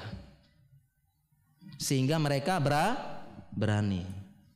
Yang kedua adalah karena ada manusia yang sederajat dengan kita yang nyuruh mereka sehingga mereka berani dengan kita. Itulah sihir. Sihir. Jadi aslinya mereka tidak berani. Tapi karena ada manusia yang nyuruh juga, berani mereka. Ibaratnya mohon maaf ini ibarat saja ya. Misalnya ada anjing ya, ini mohon maaf ya. Anjing. Ini anjing ini kalau anjing rumahan di rumah di halamannya, kita lewat depan rumahnya subhanallah galak luar biasa anjing ini. Semua digonggong ya. Apalagi sedang ah, sedang jalan-jalan sama tuannya, masya Allah galak banget dia nih depan tuannya jalan gonggong sana gonggong sini, wow ganas gitu ya. Karena sedang sama tuannya. Tapi coba masya Allah kalau dia sedang sendiri jauh gitu takut dia. Makanya saya ingat zaman kecil dulu. Ada anjing itu pokoknya ngeselin banget lah. Makanya kita tidak boleh pelihara anjing ya, karena mengganggu manusia dia. Berkurang sekirot setiap hari. Kita lewat ini anjing ini waktu saya kecil, setiap lewat lagi jalan-jalan tenang tiba-tiba digonggong kaget kita. Kaget ini semuanya Insya Allah. Suatu hari ini masih kecil saya. Suatu hari anjing ini tiba-tiba sedang main-main sendiri di sawah. Sedang sendiri. Saat itu sama teman-teman kita balas dendam, kita kejar anjing tersebut takut dia, kejar gitu, lempar semua takut tidak berani. Nah demikian juga jin ini dia tidak berani ganggu kita. Ketika ada manusia sederajat yang nyuruh minta tolong yastakidu apa yastain bil jin dia ganggu dengan ini baru dia berani ganggu kita itulah sihir dua sebab ini jin bisa ganggu manusia sihir tadi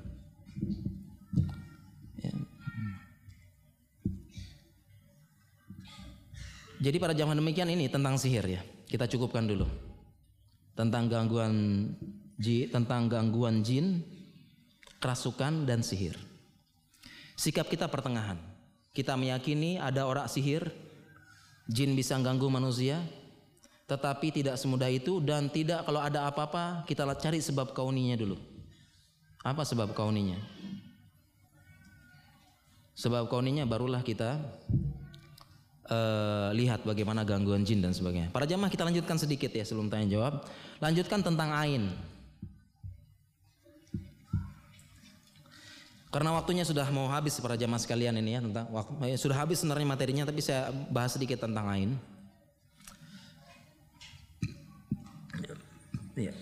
Ain ini ringkasnya adalah penyakit tentu saja penyakit non medis ya Ain ini adalah penyakit karena pandangan. Baik itu pandangan hasad atau pandangan kagum. Ijab. Yang pandangan hasad ini, pandangan ini kemudian tadi dimanfaatkan oleh setan, qadarullah takdirnya saat itu dan bisa meru, bisa mengganggu manusia dan bisa ain bisa menyebab ain bisa menyebabkan sakit, bisa menyebabkan gila, bahkan ain bisa menyebabkan kematian. Dan ain ini tidak terbatas hanya pada manusia, ain bisa mengenai hewan, ain bisa mengenai rumah, ain dan bisa mengenai benda-benda. Bisa. Ain bisa kena. Semuanya. Rumah, mobil, tunggangan bisa kena ain. Kenapa? karena pandangan yang hasad wa min hasidin syari hasidin iza idza hasad atau karena pandangan yang kagum dua sebab ain ini jadi kena pandangan dan qadarullah pandangan tersebut dimanfaatkan oleh setan untuk mengganggu manusia sebagian mengatakan zatnya ain itu yang langsung merusak karena ingat dua hal. Hasad dan kagum, dua sebab ain. Ya, dua sebab ain. Dan tadi kita juga sikap kita pertengahan juga. Jangan ada apa-apa, jangan-jangan gue kena ain nih, saya kena ain, jangan kena ain, jangan-jangan kena ain, kena ain belum. Sama sikap kita pertengahan. Dan saya juga mengatakan engkau terkena ain bukan karena uh, engkau rumah besar dan sebagainya enggak. Karena kurang zikir. Dua sebab ini. Kalau mamin syari hasin ini hasad jelas kan ya? dalilnya. Kalau dalil kagum itu adalah perkataan Nabi. Nabi SAW ada para sahabat dia bagus dan sebagainya. Para sahabatnya muji-muji. Kemudian Nabi SAW uh, eh, apa namanya? Uh, kemudian Rasulullah SAW halla. Halla itu bahasa Arabnya ungkapan yang keras. Halla. Kenapa kalian uh, hendak membunuh sahabat kalian? Kenapa kalian hendak membunuh sahabat kalian? Kalian kagum seperti ini.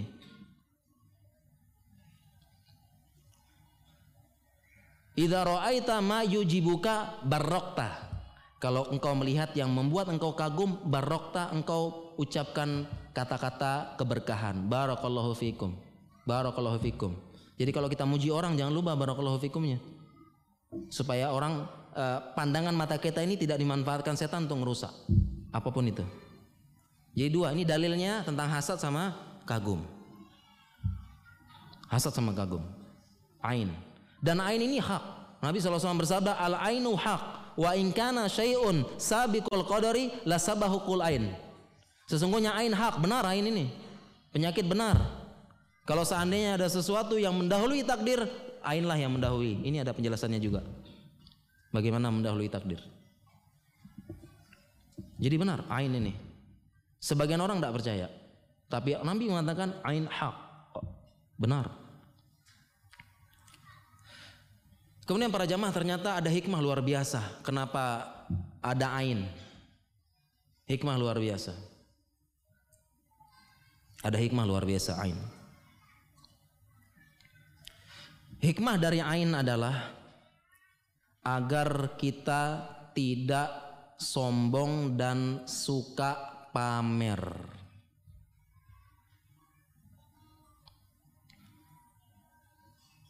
Kenapa? Agar kita tidak sombong dan suka pamer. Bukan masalah kita dianugerahkan kekayaan. Yang jadi masalah kita sombong depan manusia dan kita pamerkan. Bukan masalah kita bayi kita imut, lahir lahir lahir bayinya imut, gemesin, masya Allah ya. Itu bukan kesalahan. Kesalahannya adalah kita sombong kemudian pamerkan kepada manusia. Dan lalai dari zikir pada Allah. Tentu sombong pasti lalai. Bukan kesalahan kita punya rumah bagus, mobil bagus dan sebagainya. Bukan, tapi kita sombong kita pamerkan pada manusia. Apalagi di zaman sekarang Masya Allah dengan adanya sosial media, internet, apa, instastory, Instagram dan sebagainya. Dengan mudahnya kita maaf pamer. Apa pun itu. Dimulai dari pamer kemesraan biar jomblo makin ngenes. Gitu ya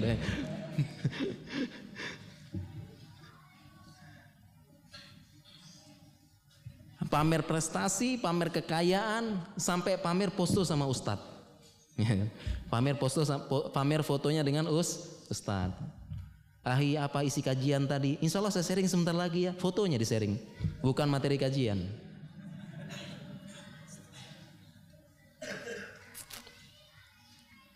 Sangat mudah pamer zaman sekarang. Dan uh, penjelasan para ulama ain bisa melalui gambar penjelasan penjelasannya Ibnul Qayyim. Apalagi lewat video. Bahkan Ibnu Qayyim menjelaskan dalam Zadul Ma'ad, orang buta bisa menyebabkan ain. Orang buta bisa menyebabkan ain. Ketika dia disifati, oh orang buta disifati ada orang cantik, ganteng, gini, gini, gini, gini, bisa kena ain katanya. Ibnu Qayyim.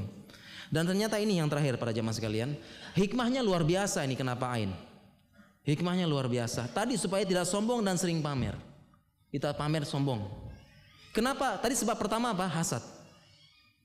Apa yang terjadi para jamaah sekalian kalau kita sering pamer dengan sombongnya? Pamer hebat, kesuksesan apa kita pamer? Apa yang terjadi? Orang-orang akan ha hasad. Kalau mungkin sekali dua kali atau muncul tidak sengaja, mungkin orang tidak akan hasad, ya tidak? Karena orang hasad itu karena dia itu benar-benar sombong gitu loh. Pamer terus, upload terus, muncul hasad orang kan, benci kan? Ya tidak? Benci. Sehingga berbahaya bagi eh, kita maupun orang lain. Orang lain muncul sakit hasadnya dan hasad ini paling bahaya. Penyakit paling bahaya, penyakit yang menghinggap pertama kali di iblis. Hasad. Holak tani minari, holak holak holak holak tani minari, holak tahu mintin. Engkau ciptakan saya dari api, engkau ciptakan dia dari dari tanah. Hasadnya iblis. Bahaya ini. Bikin orang hasad. Bikin orang hasad ya. Karena sering-sering pamer terus orang pasti hasad, benci, nggak suka. Sehingga hukumannya adalah dia lebih mudah terpapar kena ain. Ini yang pertama. Sebab yang kedua, terlalu sering pamer kepada manusia menimbulkan kagum. Dan ini juga bahaya. Kagum ini bahayanya bahayanya lebih ke arah orangnya, orang yang kagum. Bahaya kalau terlalu sering kagum. Kenapa para jamaah sekalian? Kalau orang itu kagum terus, melihat sesuatu yang baik-baik terus, orang yang sering kagum ini akan jarang bersyukur. Contoh misalnya, ada selebgram misalnya. Selebgram ya kenanya. Dua orang suami istri. Dua orang suami istri ini Masya Allah romantis, akur, satunya ganteng, satunya cantik, rumah tangganya baik, rumah tangganya bagus, rumah tangganya sakinah, menjadi role model. Semua orang masya Allah ya, rumah tangga bagus, rumah dingin dan sebagainya. Kalau dia tenang-tenang saja rumah tangganya ini berdua tenang-tenang saja, tidak masalah, bukan kesalahan. Manusia mencontoh dia. Jangan jadi kesalahan posting terus, posting terus ya. Lihat ini istri membanggakan suaminya, suami membanggakan istrinya. Lihat suamiku, masya Allah, sudah habis Quran, pinter, gagah, pebisnis ulung, ganteng, aktif sana sini, diakui orang dan sebagainya. Posting terus. Sehingga bahaya bagi orang yang sering kagum. Sehingga dilihatlah ini istri kan sering posting suaminya kan. Oh pokoknya pinter kan. Memang salah satu sifat dasar istri membanggakan suaminya. Siapa lagi kalau yang dibanggakan kalau bukan suaminya istri? Kalau suami banyak banggakan harta, mobil, rumah, jabatan. Kalau istri suami dibanggakan. Makanya dia sering posting suaminya. Posting suaminya lihat terus. Nah, yang bahaya bagi orang yang kagum, ada seorang istri melihat postingannya. Dia lihat terpapar dengan yang kagum terus, terpapar dengan yang perfect terus. Dia lihat, masya Allah, suaminya idaman, baik, Sebelumnya dia bersyukur, sebelumnya dia istri yang bersyukur dengan suaminya. Suaminya ini oh suami orang biasa, tapi dia bertanggung jawab, baik dan sebagainya. Cuma satu kelemahan suaminya, suaminya bisu, tidak pernah bilang I love you atau ini uhibbuki fillah. Suaminya bukan pujangga, suaminya tidak romantis, tapi suaminya bertanggung jawab. Setelah melihat yang perfect tersebut, melihat yang terus yang sempurna terus, mulailah dia banding-bandingin suaminya, insya Allah. Seandainya suami saya dia bisa susun kata romantis seperti ini, aku kelebak-lepak melayang di atas. Indahnya. Tiap hari dilihat lagi, masya Allah suaminya begini. Mulai lihat suaminya, astagfirullah. Barakallahu fik, barakallahu fik, astagfirullah. Padahal sebelumnya dia itu ridho dengan suaminya, dia cinta suaminya, tapi lihat sesuatu yang sempurna terus terus kagum kagum kamu terus dia tidak bersyukur. Sehingga inilah hukumannya bagi orang yang tadi sombong dan pamer berpotensi kena ain lebih. Itu hikmahnya para jamaah sekalian. Hikmahnya dua sebab tadi hasad dan kagum. Hasad bahaya, kagum juga bahaya. Jadi tidak usah dipamerkan. Tidak usah dipamerkan, tidak usah diinginkan dan sebagainya. Bisa kena hasad video tersebut. Ya, mungkin demikian para jamaah tentang penyakit ain ini dan alhamdulillah materi sudah kita bahas walaupun secara superficial, secara ringkas. Dan insya Allah setelah ini kita lanjutkan dengan tanya jawab dan mudah-mudahan saya bisa menjawab ya. Tidak semua saya bisa jawab. Yang bisa-bisa aja kita seleksi nanti ya. Silakan. Oh, aja lah. Oh boleh boleh. Pilihan. aja deh aja. Ini nih. Ya. Ya para jamaah sekalian ini ada pertanyaan. Ya. Jadi tadi eh, MC-nya bilang MC-nya yang bacain atau saya? Saya pilih saya yang bacain karena saya bisa seleksi ini. Jadi pertanyaan-pertanyaan yang berat-berat ini saya enggak bisa enggak, saya loncatkan ya. Enggak semua bisa saya jawab ya. Saya kurang ilmu. Yang bisa-bisa aja ya. Baiklah para jamaah sekalian kita lanjutkan dengan tanya jawab. Mudah-mudahan saya bisa menjawab insya Allah. Ada beberapa pertanyaan. Ustadz, apakah penyakit bila seseorang muslim lama tidak menikah.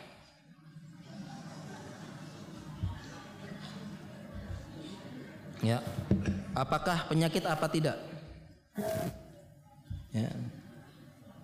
Apakah penyakit apa tidak? Kalau menurut versi Umar bin Khattab ini penyakit. Versi Umar bin Khattab radhiyallahu anhu. Ya. Ini merupakan penyakit. Saya coba carikan sekilas ini asarnya ya. Jadi katanya Umar bin Khattab ini merupakan penyakit. Ya. Atau nanti aja ya, saya ada atarnya bahasa Arabnya ada. Apa katanya Umar? Dia melihat seseorang sudah layak nikah. Tapi tidak menikah-nikah. Apa kata Umar? Engkau tidak menikah ini cuma ada dua kemungkinan. Yang pertama, engkau pelak, engkau adalah pelaku dosa maksiat. Kemungkinan pertama engkau sering bermaksiat. Penyakit yang kedua karena engkau lemah syahwat. Itu katanya Umar. Jadi ada orang dia sudah mampu nikah, sudah punya kerjaan tetap apa ndak nikah nikah katanya Umar nih kamu cuma sedang sakit kamu. Dua, penyakit hati dan lemah syahwat. Itu katanya Umar. Jadi kalau sudah dia lama dia sudah sebenarnya mampu menikah, Nggak nikah-nikah bisa jadi minimal penyakit penyakit kejiwaan. Kenapa nggak nikah-nikah? Kenapa nggak nikah-nikah? Penyakit jiwa harusnya menikah. Fitrah manusia nikah. Kalau masalah harta semua sudah tahu. Kalau miskin ia kunu fakoro yughnihumullah min fadli. Kalau dia miskin Allah kalahkan. Ya, ikitani begini bil nikah. Cari kekayaan dengan nikah. Ya. Dan banyak sudah jelas apalagi sudah ngaji tidak pernah nih udah ngaji lama udah bisnis jalan tidak nikah nikah masya Allah benar kata Umar nih penyakit jiwanya minimal penyakit hatinya Bukankah banyak keutamaan iza tajaw iza tazawajal abdu faqad kammala nisfal iman falyattaqillah fi nisfil baqi. Kalau dia menikah sudah menyempurnakan setengah keimanan, bertakwalah di setengahnya lagi.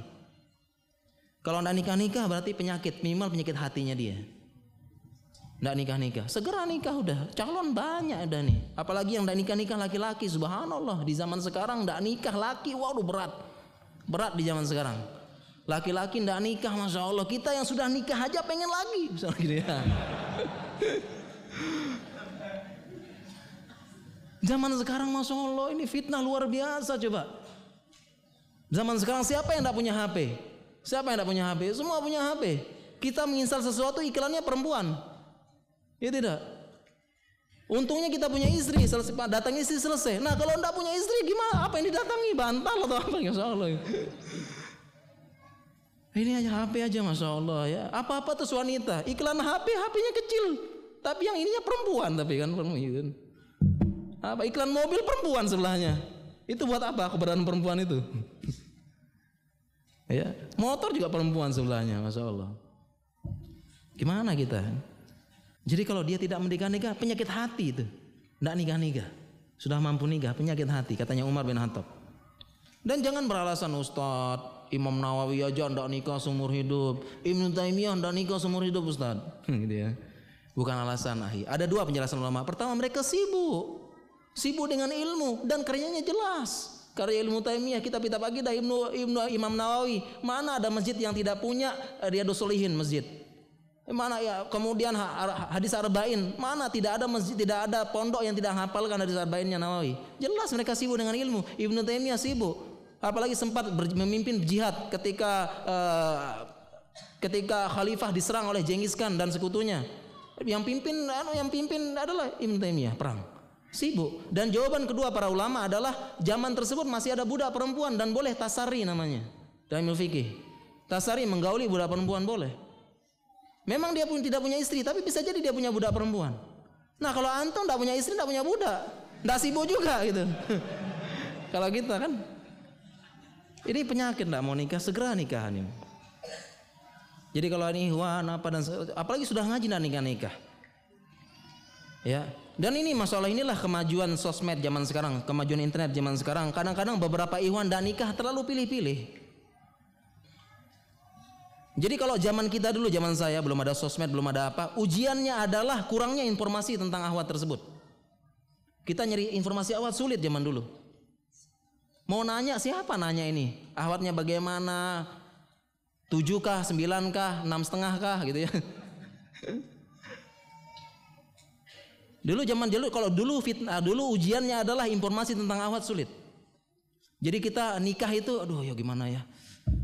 dapat informasi sih kok bismillah udah jalan udah apa pun itu dia Ahwat juga sama laki-lakinya gimana sih dia yakin tidak bisa kerja apa enggak bismillah udah jalan waktu itu dulu ujiannya begitu ujian di zaman sosmed sekarang adalah kebalikannya ujian karena informasi nyebar sana sini Kita mau tahu ahwat itu tinggal buka akunnya semua dari foto, statusnya, galaunya apa kelihatan. Semua. Kemudian di zaman sekarang terpapar dengan yang apa yang hebat-hebat. Jadi kalau uh, kalau misalnya Iwan pilih Iwan uh, Iwan pilih ahwat sekarang, semua dia semua kebaikan dipilih. Ahwat ini bagus, ahwat ini yang ini bagus, ahwat ini bagus sehingga dia cari yang bagus-bagus semuanya. Itu makhluk langka itu. Ya.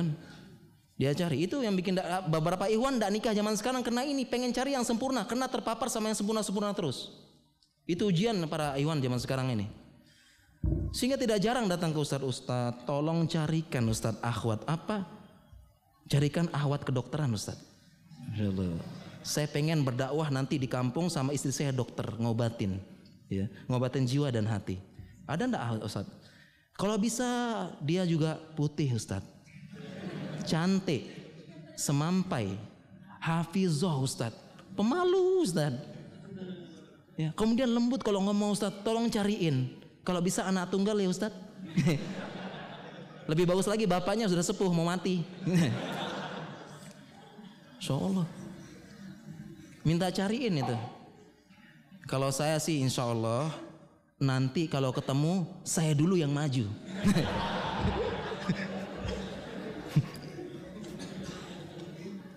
Para hewan sekalian segera menikah ya. Jadi memang ini fakta ini. Kenapa saya bicara fakta ini? Beberapa ikhwan telat menikah karena terlalu perfect. Ahwat juga sama. Ahwat juga sama pengen cari ikhwan yang kena terpapar yang sempurna, pengen seperti itu, pengen seperti itu, yang ini padahal dia pun tidak sempurna. Ini fakta kenapa saya uh, dulu di yayasan sempat bantu bantu apa? Bahasa kita comlang itulah. Sering bantu, sering bantu. Ternyata iwan-iwan sekarang dibandingin zaman dulu luar solo. Ini dia nikahnya terlambat ini karena terlalu ini sudah sodorin, sodorin, tidak mau nikah nikah. Cari yang sempurna terus. Ada enggak tidak seni? gitu ya. Ikhwannya cari sempurna terus ya. Ya segera nikah ya. Insyaallah. Pertanyaan selanjutnya, apakah benar ciri-ciri jin seperti yang ditayangkan di televisi? Kalau tidak benar, apakah ada dalil yang menyebutkan ciri-cirinya? Ada beberapa dalil yang menyebutkan ciri-ciri gangguan jin. Contohnya anak yang terkena ain. Ya ada hadis menyebutkan uh, anak yang terkena ain itu wajahnya pucat. Pucat. Ya. Istar uh, Nabi SAW lihat ada anak, ada anak perempuan, dia pucat luar biasa. Kemudian Nabi SAW melihat beliau bersabdakan istar istarkulaha. Rukiah dia. Fa inna fiha syaf'atun fi wajhiha. Ada pucat di wajahnya. Ini pucat di wajahnya. Kemudian juga sering menangis tanpa sebab. Ini tanda-tandanya, sering menangis tanpa sebab. Kemudian kurus kering. Ada dalam hadis disebutkan. Demikian juga gangguan-gangguan ada hadis-hadisnya. Tetapi yang perlu kita perhatikan para jamaah sekalian, tadi selain itu kita juga perlu di, perlu kita mencari sebab kauninya. Ada anak nangis nangis nangis nangis terus cari sebab nangisnya anak. Apa nangisnya? Jangan-jangan dia begini pempesnya basah atau apa dia sedang sakit gigi. Ada anak sakit-sakit terus orang tua tidak tahu. Ternyata giginya sedang tumbuh sakit dan tidak kelihatan. Nangis-nangis terus dia. Kenapa nak nangis-nangis terus? Belum bisa ngomong. Nangis terus kenapa? Oh ini jin. Padahal sedang sakit gigi. Jadi cari sebab kauninya dulu. Jangan langsung dikit-dikit jin, dikit-dikit jin. Dan memang ada beberapa ulama sebutkan jelasnya. Tidak apa-apa. Kalau kita sudah cari sebab kauninya, tidak apa-apa. Bisa kita bilang jangan-jangan jin. Dan ketika jin tidak mesti daftar ke tempat pembukaan center rukiah. Rukiah mandiri aja. Karena hakikat rukiah adalah meminta kepada Allah, berdoa. Ya. Minta kepada Allah itu hakikat rukiah. Rukiah hakikatnya doa. Minta sama Allah. Ustadz saya sudah rukiah rukiah belum engkau belum bangun sengat, belum bangun tengah malam. Minta sama Allah belum? Belum, tidak mesti. Ya bahkan beberapa ulama mengeluarkan fatwa tidak dibenarkan center rukiah itu. Memudahkan orang datang minta rukiah dan sebagainya berkurang tawakalnya. Dan nanti muncul juga kalau bukan ustadz ya bukan ustadz fulan yang rukiah tidak keluar jinnya. Kalau saya tidak, bukan begitu. Minta sama Allah. Jadi memang ada gejala-gejalanya sesuai dengan hadis. Ada gejala-gejalanya. Gejala-gejala orang kena rukyah cuma aja aja hanya saja tadi kita cari dulu sebab kauninya. Apa sebab kauninya? Jangan langsung-langsung jin gitu ya.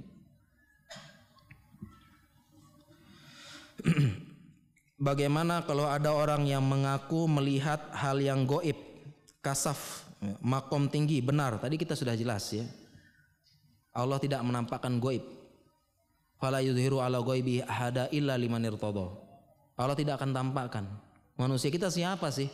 Kalau lima nirtado yang Allah ridho, Rasul dan sebagainya, iya. Kita siapa? Tidak ada manusia bisa lihat alam jin. Itu tidak benar. Orang yang rutin zikir pagi petang akan terhindar dari sihir. Tapi apa bisa masih terkena ain? Jawabannya apa? Masih bisa. Orang yang sholat lima waktu, bahkan Nabi pun bisa kena sihir. Masih bisa. Ini pertama membuktikan bahwasanya manusia lemah dan Allah bisa mentakdirkan. Kemudian bukti yang kedua dan kita harus percaya takdir. Dan kemudian yang kedua adalah bisa jadi sebagian orang zikir ini penjelasan Syekh Abdul Razak dalam fikih dua kita beliau fikih dua tipis bu. Beliau menjelaskan uh, sebagian orang ini zikir dia zikir formalitas tetapi tidak memahami apa yang dimaksud dalam zikir tersebut. Apa yang maksud zikir tersebut? Apa makna istighfar? Bagaimana maksudnya? Tidak paham. Apa maksudnya bagaimana istighfar, bagaimana tidak paham dia. Jadi zikir formalitas ini yang menyebabkan dia ini. Kemudian karena dia sekedar formalitas tidak berilmu, ketika berzikir dia tidak yakin. Makanya ada orang ketakutan ya, lewat apa? Ketakutan lewat depan kubur ketakutan. Sepanjang kubur dia baca ayat kursi terus Allahu la ilaha illallah subhanallah astagfirullah auzubillah auzubillah. Tapi masih takut tidak? Masih takut? Masih takut karena dia tidak paham tidak benar-benar mempelajari zikir tersebut tidak ini. Kalau dia yakin, dia beriman, dia percaya, baca ayat kursi lari setan. Dah yakin, dah lewat. Masalahnya dia masya Allah lewat kuburan, astagfirullah, astagfirullah, la ilaha illallah, la ilallah lihat lagi. Ya kalau kayak gini masih diganggu sama setan. Ya, jadi demikian. Tapi bagaimanapun juga termasuk usaha kita adalah zikir pagi petang dan sebagainya dan yang penting kita beriman kepada Allah Subhanahu wa taala. Apakah seseorang yang dengan sengaja atau tidak sengaja menimbulkan orang lain terkena ain mendapatkan dosa termasuk berbuat zolim? Kalau sengaja dosa dia. Eh kalau ia sengaja. Karena dia hasad terus, hasad terus dia dosa. Minimal dosa dari hasadnya tersebut. Dia dosa. Dan kita pun jangan eh, dan kita jangan apa ya, jangan menjudge bahasa kita, jangan nuduh orang. Kecuali jelas-jelas Sebagaimana di zaman Nabi ada orang ya ketika dilihat langsung jatuh sakit orangnya. Berarti itu nyata karena sebabnya ini. Sebelumnya biasa hanya dilihat saja dia karena kagum langsung sakit orang tersebut. Sehingga oleh Nabi SAW disuruh uh, caranya kalau orangnya ketahuan jadi cara pengobatan ain ada dua. Yang pertama kalau orangnya ketahuan. Kalau orangnya ketahuan ada dua cara disuruh mandi. Mandi janabah. Atau ya tawaddo dia berwudu. Kemudian sisa air wudhunya itu di, apa, digunakan untuk memandikan dia yang kena. Atau untuk ngobatin. Sisa mandinya ingat sisa mandinya, sisa yang kena badan dia. Bukan karena ini misalnya ini dipakai wudhu setengah, dipakainya yang ini. Bukan. Bekas orang tersebut yang kena badannya itu maksudnya sisa airnya. Jadi kalau dia mandi, bapak bekas airnya ditampung. Ya jadi ada yang ada yang salah paham kan sisa wudhunya dipakai wudhu setengah, sisanya ini pakai obat bukan? yang sempat kenanya ini ya, suruh mandi, suruh wudhu, kemudian kita mandikan atau kita gunakan air tersebut untuk orang tersebut ya. Entah dia itu diminumkan bisa juga beberapa ulama diminumkan bisa. Demikian ya. Jadi dia zolim minimal zolim karena hasad. Makanya kita jangan lupa ya. Tadi barokta katanya Nabi SAW. Kenapa kamu tidak bunuh dia? Ya, ala tuh ala, ala, ala, ala, ala kalau kalau kalian tuh jibuka barokta kalau kamu kagum barok jangan lupa barakallahu fiik masya Allah gitu. Jangan lupa ya. Apakah penyakit jiwa itu keturunan? Jawabannya tidak. Belum tentu bapaknya gila, lahir-lahir anaknya gila. Enggak. Tetap dia bukan menurun secara gen bahasa kedokterannya. Tetapi dia menurun karena lingkungan. Karena dia lihat bapaknya gila terus, dia juga bisa gila. Dia lihat ibunya stres stres terus, lihat tindak tanduknya stres ibunya diikutin sama anaknya. Jadi benar misalnya ada ibunya punya uh, gampang stres, gampang cemas bisa jadi anak-anaknya stres. Karena lingkungan, bukan karena penyakit gen atau turunan. Apakah ketika kita sholat tidak khusyuk ada indikasi kena gangguan jin? Iya jawabannya.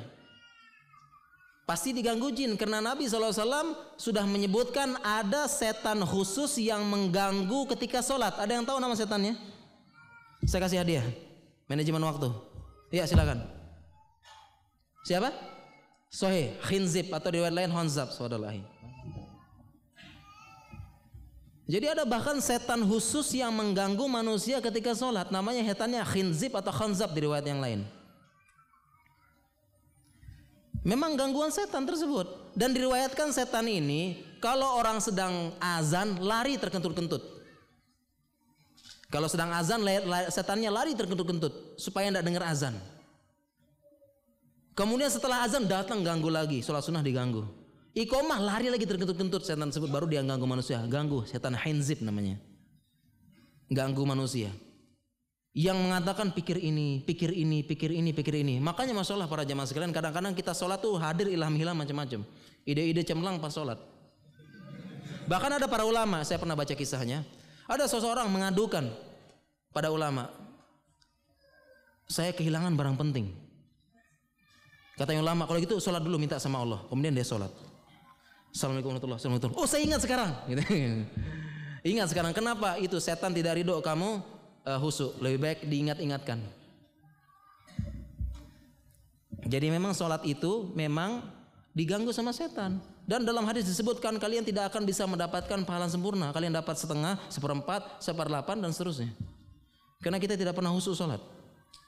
Diganggu pasti kita mikir sana, mikir sini, mas gini. Oleh karena itu solusi dari para ulama kita harus tambal ditambal dengan sholat sunnah.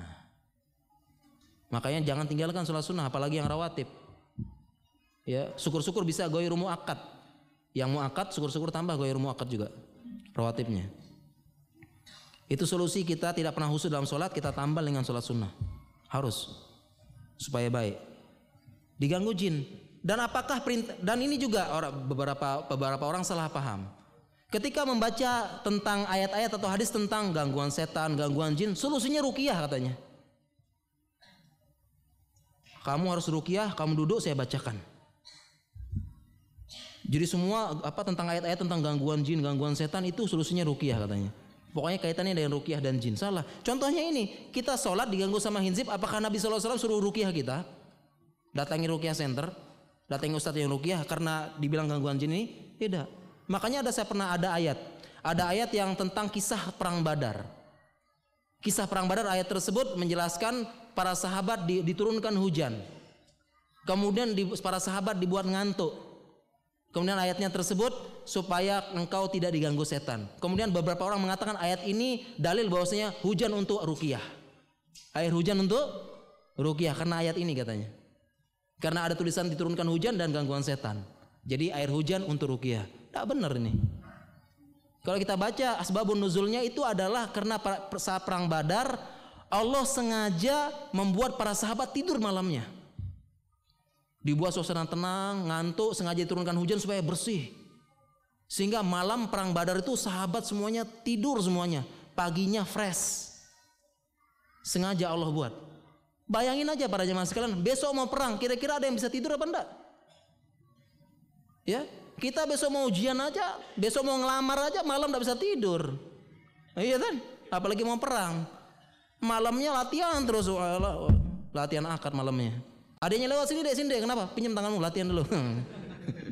latihan malamnya dihafalin terus, ya, dihafalin saya terima nikahnya, terima nikahnya.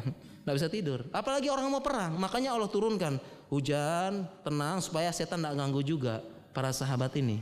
Supaya mereka malamnya tidur tenang paginya stres apa fresh perang kecuali satu yang tidak tidur Nabi Shallallahu Alaihi Wasallam semalaman tidak tidur berdoa terus jadi demikian ini jadi hati-hati jangan sampai ada ayat hadis tulisannya gangguan setan gangguan setan semua dikaitkan dengan jin dan rukiah tidak benar juga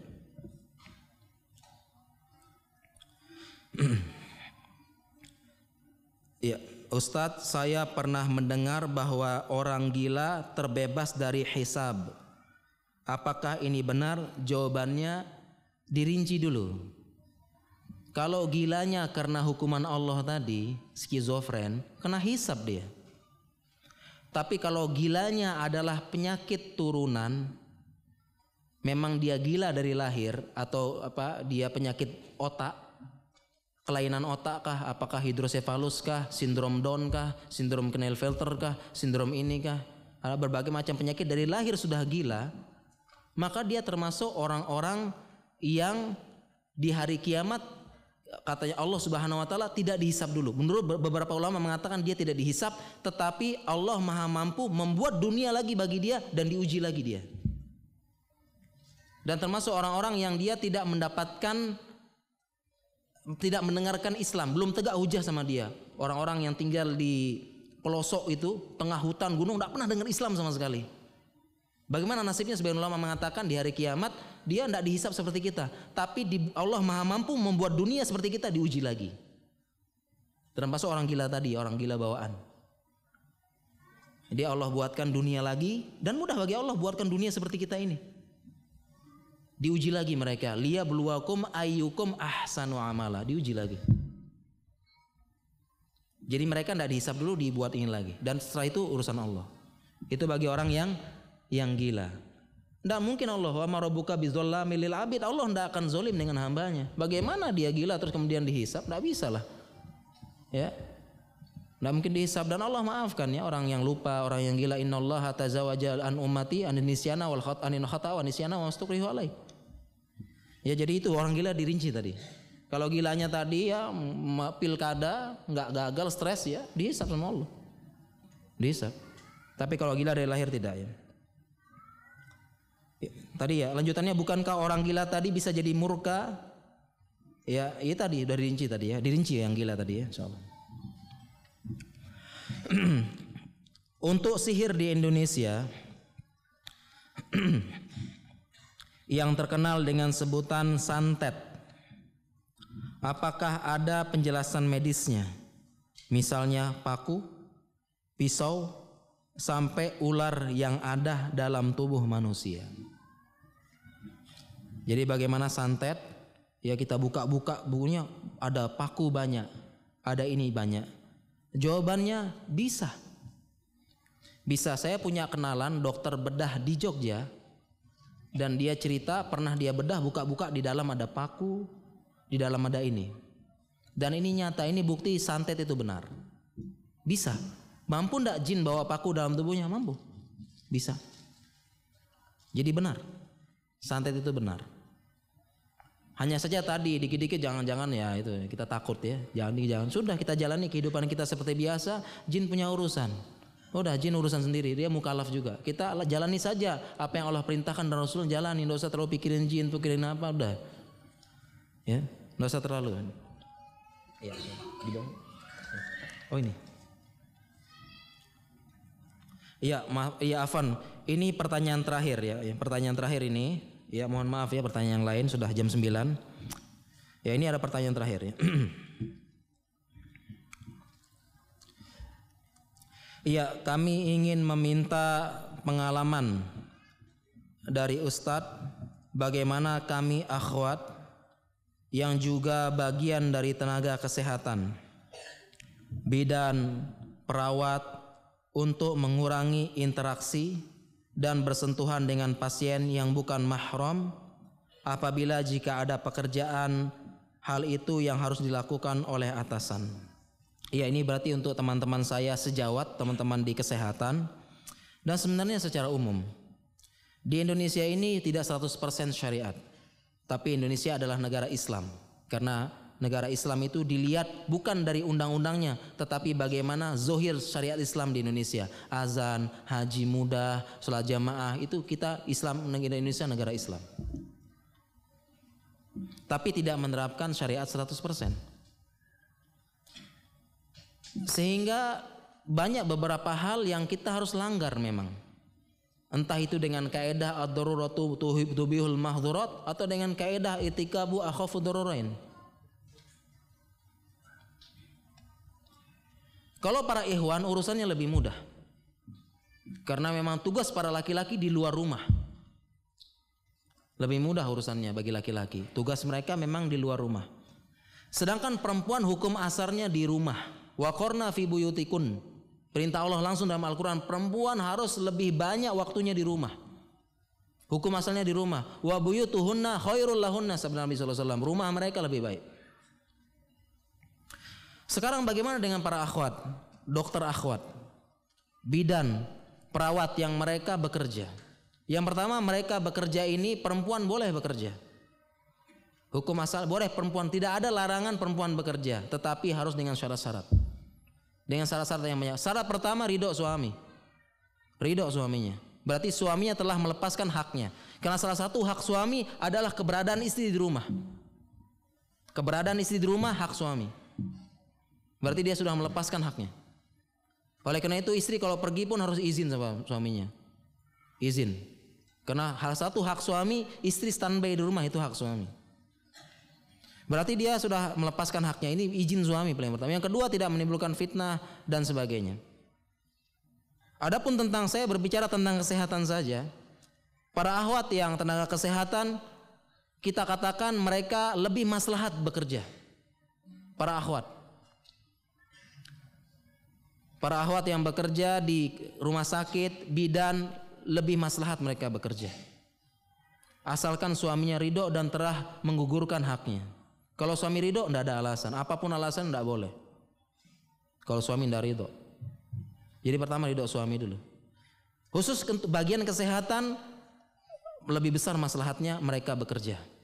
Perempuan, tetapi diatur. Cukup satu rumah sakit aja, jangan numpuk ya praktek sana praktek sini gitu.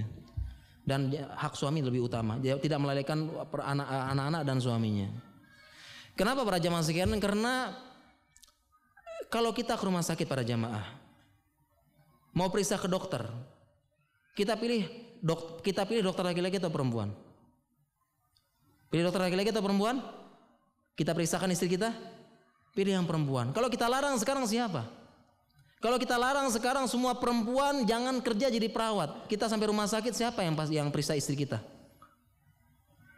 Kadang-kadang juga Masya Allah eh, bagi orang awam ini kadang-kadang ada pasang kateter. Pasang kateter itu pegang kelaminnya, pedang farji kubronya. Pegang, dipegang, dipegang. Mau laki-laki yang pegang, para suami? Tidak mau. Istri yang pegang. Masukkan kateter dan sebagainya. Sehingga maslahat.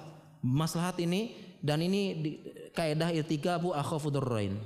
Memang dia madarat perempuan keluar fitnah laki-laki. Fitnah terbesar. Dan laki-laki lemah terhadap wanita kan. Wahulikul insanu du'aifa, tafsirnya yang paling kuat adalah lemah terhadap wanita. Laki manusia diciptakan lemah, lemah sama wanita. Fitnah ini fitnah madarat. Tapi lebih madarat lagi kalau tidak ada perempuan yang menjadi tenaga kesehatan siapa? Siapa coba? Yang ngurus istri kita kalau melahirkan, yang ngurus kalau sakit dan sebagainya siapa? Sehingga lebih maslahat. Dengan syarat tadi pertama suami ridho, kemudian kedua tidak melalaikan dia tugas dia sebagai istri dan mendidik anak-anaknya. Kemudian yang terakhir adalah fattakullah mastata'tum nasihat bagi saya pribadi. Bertakwa semampu kita. Jangan aji mumpung bertakwa sama kita. Contohnya misalnya kalau saya di UGD ya, di UGD saya beli stetoskop yang agak canggih, mahal, satu juta harganya.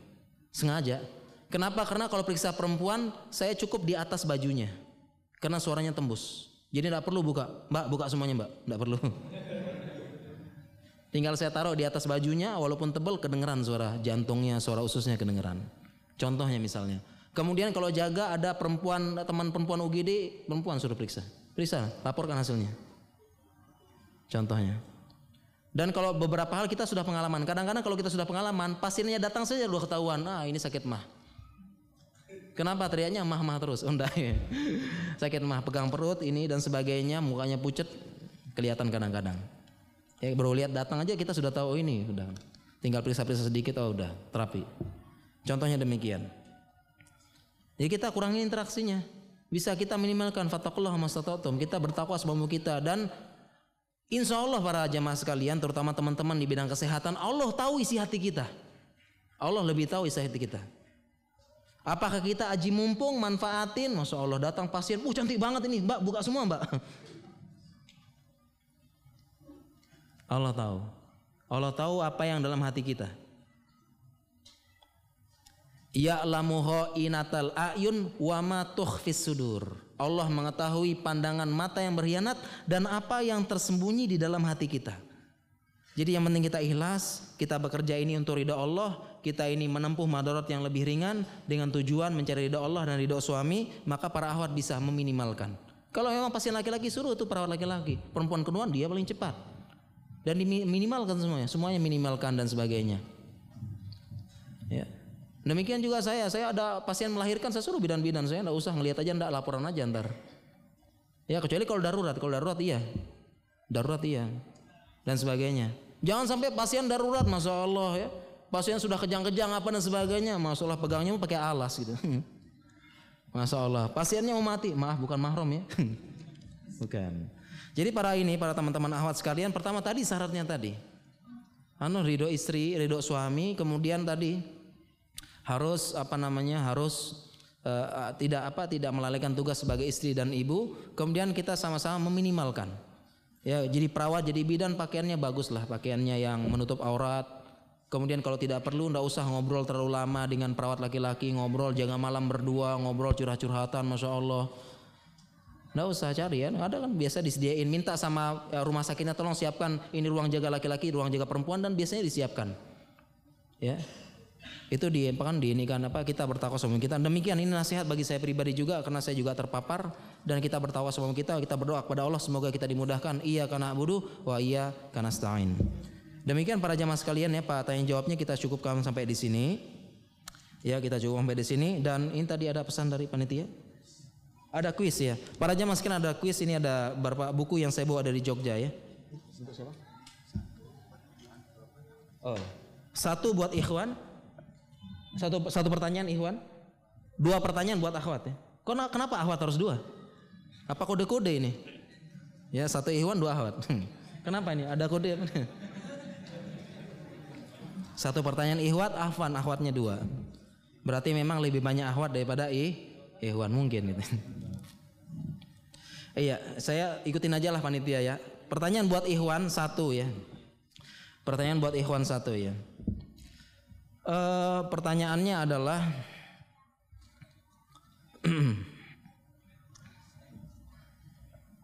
Pertanyaannya ada yang bisa menjelaskan apa maksudnya mengapa jin itu hukum asalnya takut terhadap manusia? Ini langsung langsung angkat tangan ya. Oh paling pojok sana ternyata silakan. Gimana caranya? Maju Maju berarti sebenarnya.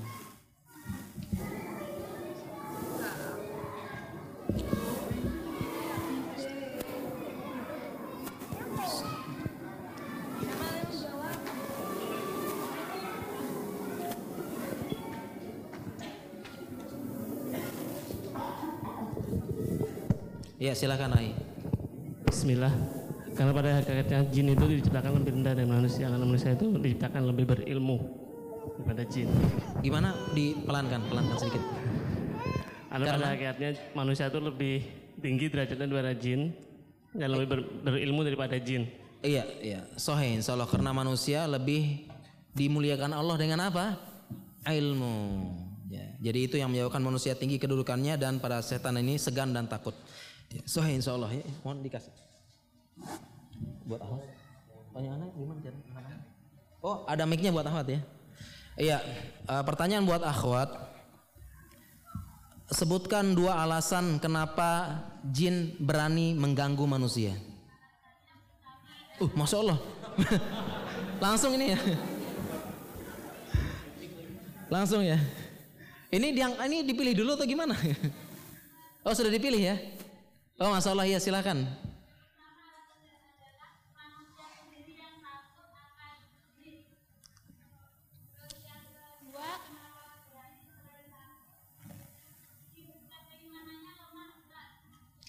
Keimanannya keimanan orangnya lemah.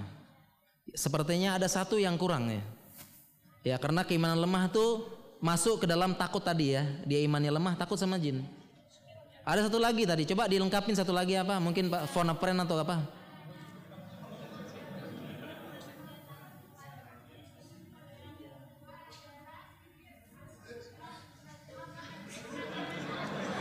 Apa? Nyuruh untuk menyihir Ustadz. Iya, benar sohe. Yang kedua adalah ada manusia yang sama-sama sederajat menyuruh orang menyuruh dia untuk ganggu manusia. Sohe dua sebabnya, sihir. Iya, sahih insya Allah ya. Dapat hadiah insya Allah. Satu lagi ya. Satu lagi pertanyaannya. eh pertanyaannya bagi akhwat ya, ndak usah pertanyaan deh. Eh, ya pertanyaan juga sih. Rasulullah SAW bersabda, "Tazawwaju wadudal walud, fa ini mukatsirum bikumul umam." Nikahilah yang penyayang ya, jadi penyayang ya para akhwat ya. Kemudian yang walud banyak anaknya. Sesungguhnya aku ber- berbangga-bangga dengan jumlah kalian yang paling banyak. Sehingga pertanyaannya adalah siapa akhwat yang paling banyak anaknya dapat hadiah? Silakan konfirmasi. Silakan yang punya banyak anak datang ke panitia akhwat nanti dikasih. Berapa? yang paling banyak ya. Yang paling banyak ini langsung dikasih. Oh sama panitia. Oh iya berarti ya minta tolong panitia akhwat nanti ya dikoordinir ya siapa yang paling banyak anaknya. Ada delapan. Siapa? Berapa? Delapan. Delapan Masya Allah Barakallahu fiha Delapan ya Ada yang lebih dari delapan tidak? Ada yang lebih dari delapan? Ada yang lebih dari delapan akhwatnya? Enggak ada berarti ya Masya Allah Berarti yang dapat adalah yang anaknya delapan Masya Allah ini berkah Insya Allah ya Bahagia punya banyak anak Ram Insya Allah Insya Allah Ya saya pengen buat pertanyaan Ikhwan tadi kan kata riwayat Ibnu Abbas itu yang paling banyak istrinya gitu ya. Enggak ya. Ya. Tapi hadiah sudah habis. Ya mungkin demikian para jamaah sekalian yang bisa kami sampaikan. Ya kurang lebihnya saya mohon maaf para jamaah apabila ada kata yang menyinggung. Kemudian apabila ada istimbat yang salah mohon saya diluruskan. Ada dalil, ada nas yang salah saya nukilkan mohon saya diluruskan juga. Demikian yang bisa kami sampaikan. Mudah-mudahan kita bisa mengamalkan ilmu kita dan Allah menurunkan berkahnya dan kebahagiaan pada kita. Subhanakallahumma wa bihamdika asyhadu alla ilaha illa anta astaghfiruka wa atubu ilaik. Wassalamualaikum warahmatullahi wabarakatuh.